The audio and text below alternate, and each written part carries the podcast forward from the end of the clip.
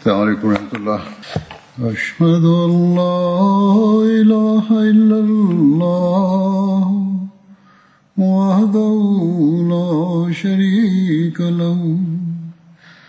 وأشهد أن محمدا عبده ورسوله. أما بعد فأعوذ بالله من الشيطان الرجيم. بسم الله الرحمن الرحيم. الحمد لله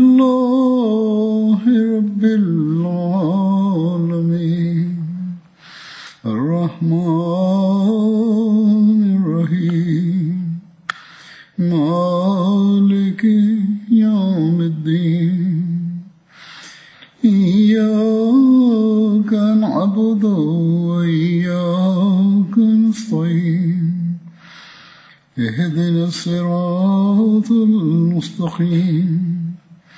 صراط الذين أنعمت عليهم غير المغضوب عليهم ولا الضالين 2021ခုနှစ်ဇူလိုင်လ23ရက်နေ့မှာဟဇရတ်အမီရူလ်မူမီနင်ခလီဖတ်လ်မစီအလ်ခါမစ်အယဒဟူလာဟူတအာလာဘင်နဆရဟီအဇီး ပစ္စမာခလီဖာတခင်ကြီးကအင်္ဂလန်နိုင်ငံအစ္စလာမာဘတ်တယ်ဖိုရှိမူဘာရက်ဘလီဝေချောင်းမှာဂျမာခွတ်ဘာမချခဲ့ပါတယ်။အဲဒီခွတ်ဘာမှာခလီဖာ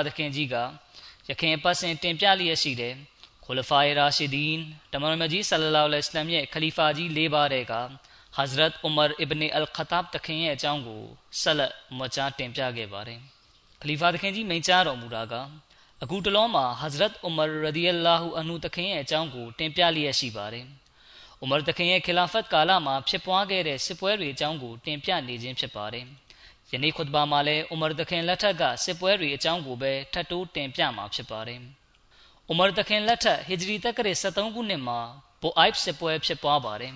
။တချို့သမိုင်းပညာရှင်တွေကဘိုအိုက်စစ်ပွဲဟာဟီဂျရီတက္ကရာ16ခုနှစ်မှာဖြစ်ပွားခဲ့တယ်လို့ဆိုကြပါတယ်။ဂျစ်စစ်စစ်ပွဲမှာမွတ်စလင်တွေဆစ်ရှုံးပြီးနောက်မဆန်နာတခင်ကဥမာတခင်ကိုစစ်ပွဲရဲ့အခြေအနေအကြောင်းသတင်းပို့ခဲ့ပါတယ်။ ဥမာတခင်ကသတင်းပို့လာတဲ့စာပို့လူလင်မှာတဆင်မဆန်နာတခင်ကိုမိမိရဲ့အဖော်တွေထံသို့ပြန်သွားပြီးအစ္စလမ်စစ်တပ်ရှိတဲ့နေရာမှာနေကြပါအလင်းမြန်စစ်ကူရောက်ရှိလာလိမ့်မယ်လို့ပြောပါဆိုပြီးသတင်းပို့လိုက်ပါတယ်ဂျစ်စစ်စစ်ပွဲမှာမွတ်စလင်တွေဆစ်ရှုံးသွားတဲ့အတွက်ဥမာတခင်ကလွန်စွာစိတ်ထိခိုက်ခံစားရပါတယ်ဒီလိုကြောင့်ဥမာတခင်ကကောင်းစွာတရားဟောကြားတတ်သူများကိုအရက်တခွင်ရှိနေရာဒေသအနှံပြားသို့ဆေလွတ်လိုက်ပါတယ် တရားဟောကြားတဲ့ပုဂ္ဂိုလ်တွေကမိမိတို့ရဲ့အာဝဇန်ကောင်းသောမိဂုံးများဖြင့်အရက်တခွင်လုံးမှာရှိတဲ့လူတွေကိုစိတ်အားထက်သန်အောင်ပြုလုပ်ခဲ့ပါတယ်ဒီနောက်မှာတော့အာရဗ်မျိုးနွယ်စုအသီးသီးကစိတ်အားတက်ကြွစွာဖြင့်စစ်ပွဲမှာပါဝင်ဖို့အတွက်အုပ်စုလိုက်ရောက်ရှိလာကြပါတော့တယ်အဲ့ဒီထဲမှာခရစ်ယာန်ဘာသာဝင်အာရဗ်မျိုးနွယ်စုတွေလည်းပါဝင်ကြပါတယ်။ဥမာတခင်ကမွတ်စလင်စစ်တပ်တစ်ခုကိုအီရတ်နိုင်ငံသို့ဆေလွတ်ခဲ့တယ်လို့မုဆန်နာတခင်ကလည်းအီရတ်နိုင်ငံနယ်စပ်ဒေသတွေကနေလူတွေကိုစူးစီးလိုက်ပါတယ်။ ဒီကြောင့်ကိုရုစတန်ကသတင်းရရှိသွားတဲ့အခါမွတ်စလင်တွေကိုတိုက်ခိုက်ဖို့ပိုချုပ်မဟရမ်နဲ့အတူစစ်တပ်တစ်ခုကိုဆေလွတ်လိုက်ပါတယ်။ကူဖာမြို့ရဲ့၃မိုင်ကွာမှာရှိတဲ့ဟီရာမြို့အနီးဘိုအိုက်မှာ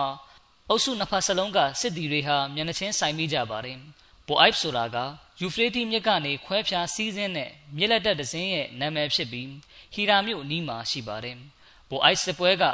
ရမ်ဇန်လမှာဖြစ်ပွားခဲ့ခြင်းဖြစ်ပါတယ်။ ဘိုအိုက်မြစ်အနီးကရွာတစ်ခုကိုနောက်ပိုင်းမှာကူဖာမြို့ဖြစ်တိစောက်ခဲ့ခြင်းဖြစ်ပါတယ်။အီရန်စစ်ဗိုလ်ချုပ်မဟရန်ကမုဆန်နာတခင်ကို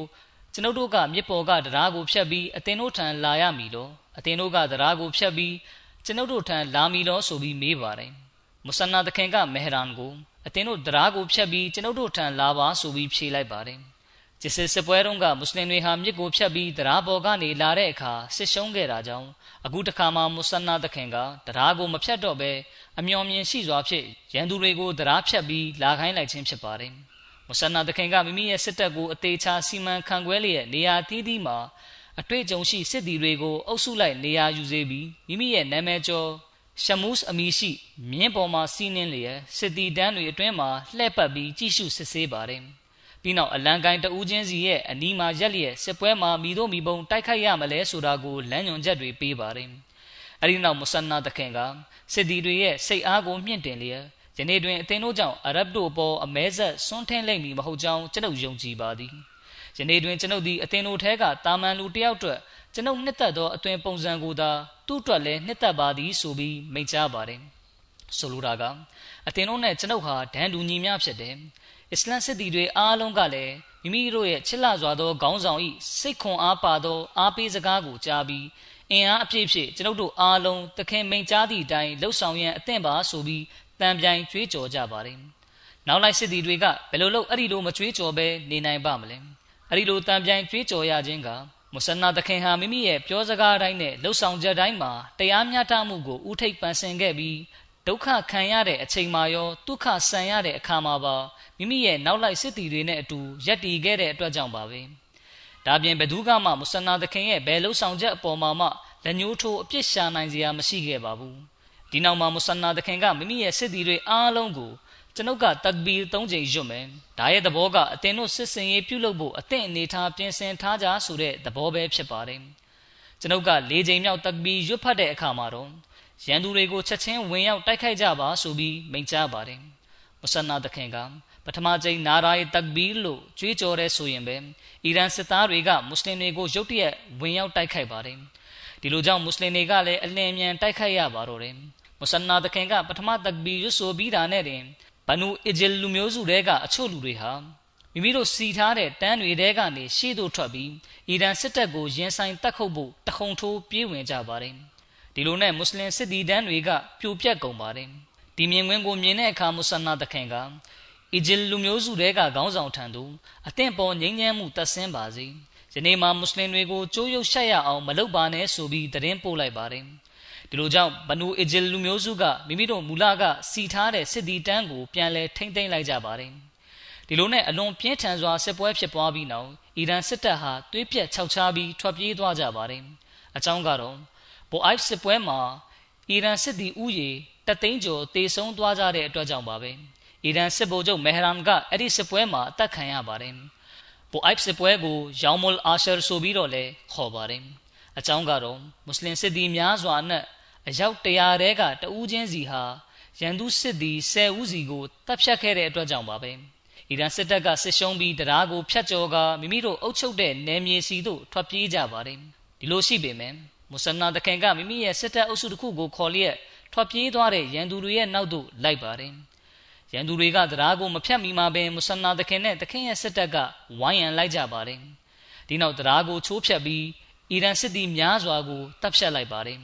နောက်ပိုင်းမှာမုဆနာသခင်ကကျွန်ုပ်အနေနဲ့စစ်ရှုံးလို့ထွက်ပြေးသွားသူတွေရဲ့နောက်ကိုလိုက်ပြီးသူတို့ကိုဘာကြောင့်တတ်ခဲ့ရတာလဲဆိုပြီးအမြဲတမ်းနောင်တရနေခဲ့တယ်တကယ်တမ်းကျွန်ုပ်အနေနဲ့ဒီလိုမလုပ်ခဲ့သင့်ဘူး ဒီလိုလုပ်တာကျွန်ုပ်အလွန်မားတယ်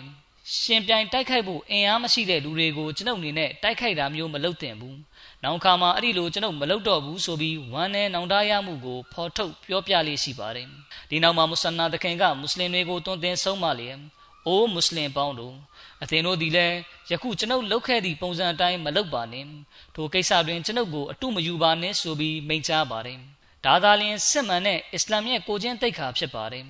အဲ့ဒီစစ်ပွဲမှာအလွန်ကြီးမားတဲ့အခမ်းကဏ္ဍကနေပါဝင်ခဲ့သူတွေဖြစ်တဲ့ခါလစ်ဘင်ဟီလာတခင်နဲ့မဆူဒ်ဘင်ဟာရီဆာတခင်တို့လည်းရှဟီဒ်ဖြစ်ကွယ်လွန်ခဲ့ကြပါတယ်။မုဆနာတခင်ကရှဟီဒီတွေအတွက်ဂျနာဇာနမတ်ကိုဥဆောင်ဝတ်ပြုခဲ့ပါတယ်။ပြီးနောက်မုဆနာတခင်ကသူတို့တွေဟာဒီစစ်ပွဲမှာပါဝင်ဆင်နွှဲခဲ့ကြပြီး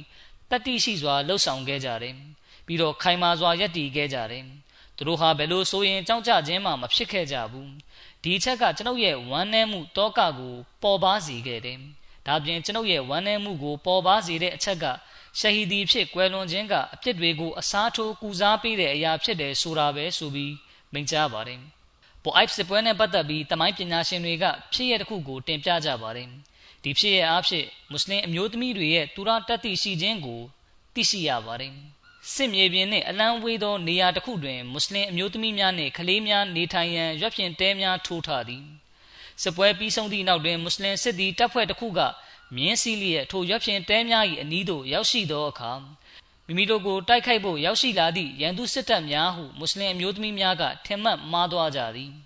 ထို့ကြောင့်အမျိုးသမီးများကအပြင်တွင်ရှိသည့်ကလေးများကိုခေါ်လျက်ရွက်ဖြင့်တဲတဲသို့ထည့်ပြီးကြောက်ခဲများနှင့်တုံများကိုယူကာတိုက်ခိုက်ရန်စစ်တပ်ရှိရာသို့ထွက်လာကြသည် စစ်တပ်ရှိရာအနီးသို့ရောက်ရှိသောအခါမွတ်စလင်စစ်တပ်ဖြစ်ကြောင်းသိသွားကြသည်မွတ်စလင်စစ်တပ်၏ခေါင်းဆောင်အမာဘင်အဗ်ဒุลဝစီကအီဒီမာအလရှမြတ်၏လမ်းတွင်စစ်ထွက်တိုက်သောမွတ်စလင်စစ်သည်တို့ပိုင်ဆိုင်သောအမျိုးသမီးများ၏အရေးချင်းပင်ဖြစ်သည်ဟုဆိုလေသည်ပိုအိုက်စစ်ပွဲကတော့ပြီးဆုံးသွားခဲ့ပါတယ်ဒါပေမဲ့ဒီစစ်ပွဲရဲ့နောက်မှာအလွန်နှက်ဆိုင်တဲ့အမတ်လက္ခဏာတွေကိုခြံရိပ်ခဲ့ပါတယ်အီရန်သားတွေဟာပိုအိုက်စစ်ပွဲမဖြစ်မီကဂူးလောက်ထိအထီးကိုက်အဆုံးရှုံးမများခဲ့ဘူးပါဘူး ဒီစစ်ပွဲရဲ့ရိုက်ခတ်မှုနဲ့တက်ရောက်မှုကြောင့်အီရန်နိုင်ငံရဲ့အနီးဝန်းကျင်ဒေသမှာနေထိုင်ကြတဲ့မွတ်စလင်တွေဟာပုံမခိုင်မာစွာယက်တီလာနိုင်ကြပါတယ်။အီရန်နိုင်ငံကနေတိုက်ကြိတ်မြစ်ထိမွတ်စလင်တွေကတိမ့်ပိုက်နိုင်ခဲ့ပါတယ်။ရခိုင်ကဆွန့်လွတ်ခဲ့ရတဲ့နယ်မြေဒေသတွေကိုလည်းမွတ်စလင်တွေကပြန်လည်တိမ့်ပိုက်နိုင်ခဲ့ပါတယ်။အီရန်စစ်သားတွေကဒီအခြေအနေကိုမြင်ရတဲ့အခါတိုက်ကြိတ်မြစ်တစ်ဖက်ကမ်းသို့ထွက်ပြေးတိမ်းရှောင်သွားကြပါတယ်။ပိုအိုက်စစ်ပွဲကိုအောင်နိုင်ခဲ့ပြီးနောက်မှာ မွတ်စလင်တွေကမူလကအတိုင်းအီရတ်နိုင်ငံရဲ့နယ်မြေဒေသမှာပြန်လည်နေထိုင်လာကြပါတယ်။ဒီနောက်ကာဒီစီယာစစ်ပွဲဖြစ်ပွားပါတယ်။ကာဒီစီယာစစ်ပွဲကဟစ်ဂျရီတက္ကရာ14ခုနှစ်မှာဖြစ်ပွားခဲ့ပါတယ်။ကာဒီစီယာကလက်ရှိအီရတ်နိုင်ငံထဲကနေရာတစ်ခုရဲ့နာမည်ဖြစ်ပြီးကူဖာကနေ35မိုင်ကွာမှာရှိပါတယ်။ဟစ်ဂျရီတက္ကရာ14ခုနှစ်ဥမာတခင်ရဲ့ခီလာဖတ်ကာလမှာမွတ်စလင်တွေနဲ့အီရန်တွေကြားမှာကာဒီစီယာဒေသ၌အဆုံးသတ်တိုက်ပွဲဖြစ်ပွားခဲ့ပါတယ်။ ဒီတိုက်ပွဲကြောင့်အီရန်အင်ပါယာကျဆုံးပြီးအီရန်နိုင်ငံကမွတ်စလင်တွေလက်အောက်သို့ရောက်ရှိလာခဲ့ပါတယ်။ပါရှင်အင်ပါယာကမွတ်စလင်တွေရဲ့ကျိုးပန်းလှုပ်ဆောင်ချက်တွေအကြောင်းကိုကြားသိရတဲ့အခါပါရှင်တွေကမိမိတို့ရဲ့ခေါင်းဆောင်နှစ်ဦးဖြစ်တဲ့ရူစတန်နဲ့ဖီရိုဇန်ကိုအသင်းတို့နှစ်ဦးကအချင်းချင်းကွဲလွဲနေကြခြင်းဖြစ်အသင်းတို့နှစ်ဦးကအချင်းချင်းကွဲလွဲနေကြခြင်းဖြစ်ရန်သူတွေကိုအတိတ်ရဲလာအောင်လှုပ်လိုက်ခြင်းပဲဖြစ်တယ်။အကယ်၍ငါတို့သာဒီတိုင်းလက်ပိုက်ကြည့်နေမယ်ဆိုရင်ငါတို့ရဲ့အီရန်နိုင်ငံကြီးဟာ ပျက်စီးပြိုကွဲသွားလိမ့်မယ်။ဘာကြောင့်လဲဆိုတော့မဒိုင်မြို့အနီးမှာရှိတဲ့ဘဂ္ဂဒတ်၊ဆာဘတ်၊အစ်ကရစ်စတဲ့မြို့တွေအားလုံးမှာမဒိုင်မြို့တစ်ခုကပဲငါတို့လက်ထဲမှာရှိတော့တာကြောင့်ပဲ။ဒီတော့အသင်တို့နှစ်ယောက်ကသာအချင်းချင်းစည်းလုံးမှုမရှိဘူးဆိုရင်ငါတို့ကအရင်ဆုံးအသင်တို့ကိုတပ်ပြစ်ရလိမ့်မယ်။ပြီးတော့မှငါတို့လည်းမိမိတို့ကိုယ်ကိုအဆုံးစီရင်လျက်အေးချမ်းမှုကိုရယူမယ်ဆိုပြီးပြောကြပါတယ်။ရူစတမ်နဲ့ဖီရိုဇန်ကဘယင်မဘူရန်ကိုယာရူးမှဖြုတ်ချလျက် ယာဇဒီဂရစ်ကိုဘယင်ဖြစ်တင်မြှောက်လိုက်ကြပါတယ်။အဲ့ဒီအချိန်တုန်းကယာဇဒီဂရစ်ရဲ့အသက်ဟာ22နှစ်မြသာရှိပါသေးတယ်။အဲ့ဒီလူလင်ပြိုရှင်ဘရင်အစ်တက်လာလာခြင်းမှာပဲရဲတိုက်အားလုံးစစ်စခန်းများအားလုံးနဲ့ခံတပ်များအားလုံးကိုခိုင်ခန့်အောင်ပြန်လည်မွမ်းမံတိဆောက်ခြင်းစစ်သည်အင်အားဖြည့်တင်းခြင်းစတာတွေပြုလုပ်ပါတယ်။မုဆန္နာတခင်ကပါရှင်တွေရဲ့အခုလိုစီရေးပြင်ဆင်မှုအကြောင်းနဲ့ပတ်သက်ပြီးအိုမာတခင်ထံသတင်းပို့လိုက်တဲ့အခါ အိုမာတခင်ကအလန့်အားတတ်သေးထားကျိန်ဆိုပြီးပြောပါသည်ကျွန်ုပ်သည်အာရဗ်မဟုတ်သောခေါင်းဆောင်များနှင့်ရှင်ဘရင်များကိုအာရဗ်ခေါင်းဆောင်များနှင့်ရှင်ဘရင်များအားဖြင့်တိုက်ခိုက်စေပါမည်ဆိုပြီးမိန့်ကြားပါတယ်ဒီလိုနဲ့အိုမာတခင်ကအာရဗ်တို့တဲကဦးစီးကောင်းဆောင်အားလုံးအတိုင်ပင်ခံပုဂ္ဂိုလ်အားလုံးဂုံစင်တန်းမြန်မာသူအားလုံးတရားဟောဆရာအားလုံးနဲ့ကြပြားဆရာအားလုံးစသူတို့ကိုဆင့်ခေါ်လျက်ပါရှင်အင်ပါယာနဲ့တိုက်ခိုက်ဖို့စစ်ထဲကိုဆေလွတ်လိုက်ပါတယ်ဒီနောက်ဥမာတခင်ကမုဆန္နာတခင်ကို အာရဗ်မဟုတ်သောတိုင်းတစ်ပါးတို့ပိုင်နယ်မြေမှထွက်ခွာလာလျက်ကျွန်ုပ်တို့နှင့်သူတို့၏နယ်စပ်တွင်ရှိသောကမ်းခြေဒေသသို့လာခဲ့ပါဆိုပြီးမိန့်ကြားပါတယ်။ဒါပြင်ရဘီယာလူမျိုးစုနှင့်မိုဒရလူမျိုးစုကိုလည်းအတူပူးပေါင်းပါဝင်စေဖို့အိုမာဒခင်ကမုဆနာဒခင်ကိုလမ်းညွှန်မိန့်ကြားခဲ့ပါတယ်။အိုမာဒခင်ကအာရဗ်တခွင်လုံးရှိဘေးဘက်လေးတန်သို့ရှေ့ပြေးထောက်လန်းရေးအဖွဲ့တွေကိုဆေလွတ်ပါတယ်။ပြီးနောက်လူမျိုးစုအသီးသီးရဲ့ဦးစီးကောင်းဆောင်တွေကိုမကာမြို့မှာစုယုံကြဖို့မိန့်ကြားပါတယ်။ ဟဂျ်ယာဒီကလည်းနီးကပ်လာပြီးဖြစ်တာကြောင့်ဥမာတခင်ကဟဂျ်ပြုဖို့အတွက်ထွက်ခွာလာခဲ့ပါတယ်ဟဂျ်ကာလာရောက်တဲ့အခါအရဗ်လူမျိုးစုအသီးသီးကအနည်းနဲ့ရရက်ကနေရောက်လာပြီးမကာမှာစူးစီးကြပါတယ်။ဥမာတခင်ကဟဂျ်ပြုပြီးပြန်လာတဲ့အခါမဒီနာမြို့မှာအလွန်ကြီးမားတဲ့စစ်တပ်ကြီးစုယုံနေတာကိုတွေ့ရပါတယ်။ဥမာတခင်ကအဲ့ဒီစစ်တပ်ကိုကိုယ်တိုင်ဦးစီးဦးဆောင်ပြုပါတယ်။ ပြီးနောက်အိုမာတခင်ကအလီတခင်ကိုမဒီနာမြို့ရဲ့အမီးခေါင်းဆောင်ဖြစ်ခန့်အပ်လျက်စစ်တပ်ကိုခေါ်ဆောင်ကထွက်ခွာလာခဲ့ပြီးဆီရာအရက်မှာစခန်းချပါတယ်။ဆီရာဆိုတာကမဒီနာမြို့နဲ့၃မိုင်ကွာမှာရှိတဲ့စမ်းချောင်းတစ်ခုရဲ့နာမည်ဖြစ်ပါတယ်။ယခုထိတော့အိုမာတခင်ကမိမိကိုယ်တိုင်စစ်ထွက်လိုက်ပါမယ်ဆိုပြီးအပိသက်ဆုံးဖြတ်ချက်ချတာမျိုးမရှိသေးပါဘူး။အိုမာတခင်ကတာဝကတော်တွေနဲ့တိုင်ပင်တဲ့အခါအားလုံးတို့ကတခင်ကိုပါရှင်အီရန်ထိတွားရန် အကြံပြုကြကြောင်းတေပရီကျမ်းမှာဖော်ပြလာရှိပါတယ်။ဒါပေမဲ့ဆီရာဆန်းချောင်းထိရောက်သည့်တိုင်အိုမာတခင်ကဘဒူးနဲ့မှတိုင်ပင်ခြင်းမရှိပါဘူး။အဗ်ဒူရဟ်မန်ဘင်အော့ဖ်တခင်တူးရဲကအိုမာတခင်ကိုပါရှင်ထိမတွားဖို့တားခြင်းဖြစ်ပါတယ်။အဗ်ဒူရာဟ်မန်ဘင်အော့ဖ်တခင်ကကျွန်ုပ်ဒီယနေ့တိုင်တမန်တော်မြတ်ဆလလောလဟ်အလัยဟ်အဖအခြားမိသူအတွက်မြစကားပြောရာတွင်မိမိမိဘနှစ်ပါးကိုစတဲ့ကြောင်ပြောဆိုခဲ့ခြင်းမရှိခြင်း တမန်တော်မြတ်ဆလလောလဟ်အလัยဟ်ကွယ်လွန်ပြီးနောက်တွင်လည်းထို့သို့မိသူအတွက်တော့ဖြစ်ကျွန်ုပ်၏မိဘနှစ်ပါးကိုတော့စတဲ့ပါ၏ဟု၍ပြောမိမဟုတ်ချေသို့တော့ယနေ့တော့ကျွန်ုပ်ပြောပါမည်အိုးထို့သူအသင်အတွက်ကျွန်ုပ်၏မိဘနှစ်ပါးကိုစတဲ့ပါ၏စစ်ထွက်လိုက်ရမည်လောမလိုက်ရမည်လောဆိုသည့်ကိစ္စကိုဆုံးဖြတ်ရန်ကျွန်ုပ်၏လက်သို့အပ်တော်မူပါဟုပြောလိုပါသည်ဆိုပြီးဥမာတခင်ကိုလျှောက်ထားပါတယ်ဒီနောက်အဗ်ဒူရာဟ်မန်ဘင်အော့ဖ်တခင်ကဥမာတခင်ကို တခင်အနေနဲ့စီရာစမ်းကြောင်းမှာပင်ရပ်တန့်တော်မူပါအလွန်ကြီးမားသောစစ်တပ်ကြီးတစ်ခုကိုခေါင်းဆောင်တဦးခန့်အလျက်ဆစ်လွတ်လိုက်ပါတခင်ကိုယ်တိုင်တော့လိုက်မသွားပါနဲ့ဆိုပြီးလျှောက်ထားပါတယ်ဒါပြင်အဗ်ဒူရာဟ်မန်ဘင်အော့ဖ်တခင်ကတခင်ခန့်အပ်သောစစ်တပ်နှင့်ဆက်လင်း၍အလရှမြတ်ကမိတို့မိဘုံဆုံးဖြတ်တော်မူသည်ကိုတခင်မြင်တွေ့ပြီးဖြစ်ပါသည်အကယ်၍တခင်လွတ်သောစစ်တပ်ကသာစစ်ရှုံးသွားပြီဆိုလျှင်တခင်ကိုယ်တိုင်စစ်ရှုံးသွားသည့်သဘောတော့မဟုတ်ပါ သို့သောအဝုဆာမှာပင်တခင်ကရှိတ်ဖြစ်ကွယ်လွန်သွားမည်ဆိုလျှင်သို့မဟုတ်စစ်ရှုံးသွားမည်ဆိုလျှင်နောင်နောင်မိသည့်အခါတွင်မျှမွတ်စလင်တို့သည်တက်ဘီကြွေးကြော်နိုင်တော့မည်မဟုတ်သလိုလာအီလာဟအီလလာဟူ၍လည်းတတ်သေးခံနိုင်တော့မည်မဟုတ်ဟု၍ကျွန်တော်မျိုးထင်မြင်ယူဆပါသည်ဆိုပြီးလျှောက်ထားပါတယ်။အဲဒီနောက်မှာအတိုင်ပင်ခံတာဝကတော်များနဲ့ဆွေးနွေးတိုင်ပင်နှီးနှောပြီးနောက်မှာအိုမာသခင်ကပြည်သူတရက်လုံးပါဝင်နိုင်တဲ့ဆွေးနွေးတွေ့ဆုံပွဲအခမ်းအနားတစ်ခုကိုကျင်းပပါတယ်။ အဲဒီအခမ်းအနားမှာမိကွန်းမိတ်ချွေလေးရဲ့အိုမာသခင်ကအခုလိုမိန့်ကြားပါတယ်။အလရှမြတ်ကလူတို့အားအစ္စလမ်သာသနာပေါ်တွင်စုယုံစေခဲ့သည်။သူတို့၏နှလုံးသားတွင်တဦးပေါ်တဦးချစ်မြတ်တာထားစိတ်ပေါက်ဖွားစေခဲ့သည်။အစ္စလာမ်နဲ့ရောက်လာသည့်အတွက်သူတို့အားလုံးကိုအပြန်လန်ညီရင်ကိုဖြစ်စေခဲ့သည်မွတ်စလင်တို့၏အပြန်လန်ဆက်နွယ်မှုအခြေအနေမှာကိုယ်ခန္ဓာတစ်ခုတည်းလားဖြစ်သည် ကိုယ်ခန္ဓာ၏တနေရာတွင် ထိခိုက်နာကျင်လျင် အခြားကိုယ်ခန္ဓာအစိတ်ပိုင်းများကလည်းနာကျင်မှုကို မခံစားဘဲမနေနိုင်ကြထို့ကြောင့်မွတ်စလင်တို့အနေဖြင့်မိမိတို့၏ထိုထိုသောအရေးကိစ္စများကိုအချင်းချင်းတိုင်ပင်နှီးနှောလျက်ဆုံးဖြတ်ကြရန်မဖြစ်မနေလိုအပ်ပါသည်အထူးသဖြင့်၎င်းတို့နှင့်ပုံမတက်သည့်နားလေသူများထံမှအကြံဉာဏ်များကိုရယူအပ်ပေသည်ကိစ္စတစ်ခုကိုအားလုံးကသဘောတူကျေနပ်ပြီးဆုံးဖြတ်လိုက်ကြပြီဆိုရင်ထိုကိစ္စကိုလိုက်နာဆောင်ရွက်ရပေမည် ထို့ပြင်အမီဦးစီးခေါင်းဆောင်နေဖြင့်အတိုင်းမင်ငံပုဂ္ဂိုလ်တို့၏ပြည်သူများနှင့်ပတ်သက်သည့်အကြံဉာဏ်ကိုဖြစ်စေစစ်ပွဲများနှင့်သက်ဆိုင်သည့်အကြံပြုချက်ကိုဖြစ်စေအတိမတ်ပြုလက်ခံရန်မဖြစ်မနေလိုအပ်သည်အိုးလူပေါင်းတို့ကျွန်ုပ်ဒီအသင်တို့ကဲ့သို့ပင်စစ်တီတဝူအဖြစ်လိုက်ပါရန်ဆန္ဒရှိပါသည်သို့သောအသင်တို့တဲကအတိုင်ပင်ခံပုဂ္ဂိုလ်များနှင့်တက်သည့်နားလေသူများက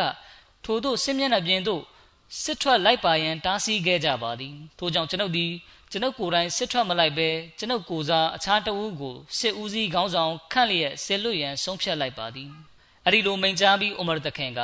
စစ်ဦးစီးခေါင်းဆောင်ခန့်ဖို့အတွက်လူတဦးကိုလိုက်ရှာနေပါတယ်အဲ့ဒီအချိန်မှာပဲဆာတခင်ထံမှစာရောက်လာပါတယ်အဲ့ဒီတုန်းကဆာတခင်ဟာနဂျတ်မြို့မှာစတကာအလူကောက်ခံဖို့တာဝန်ပေးခန့်ထားရတဲ့အချိန်ဖြစ်ပါတယ်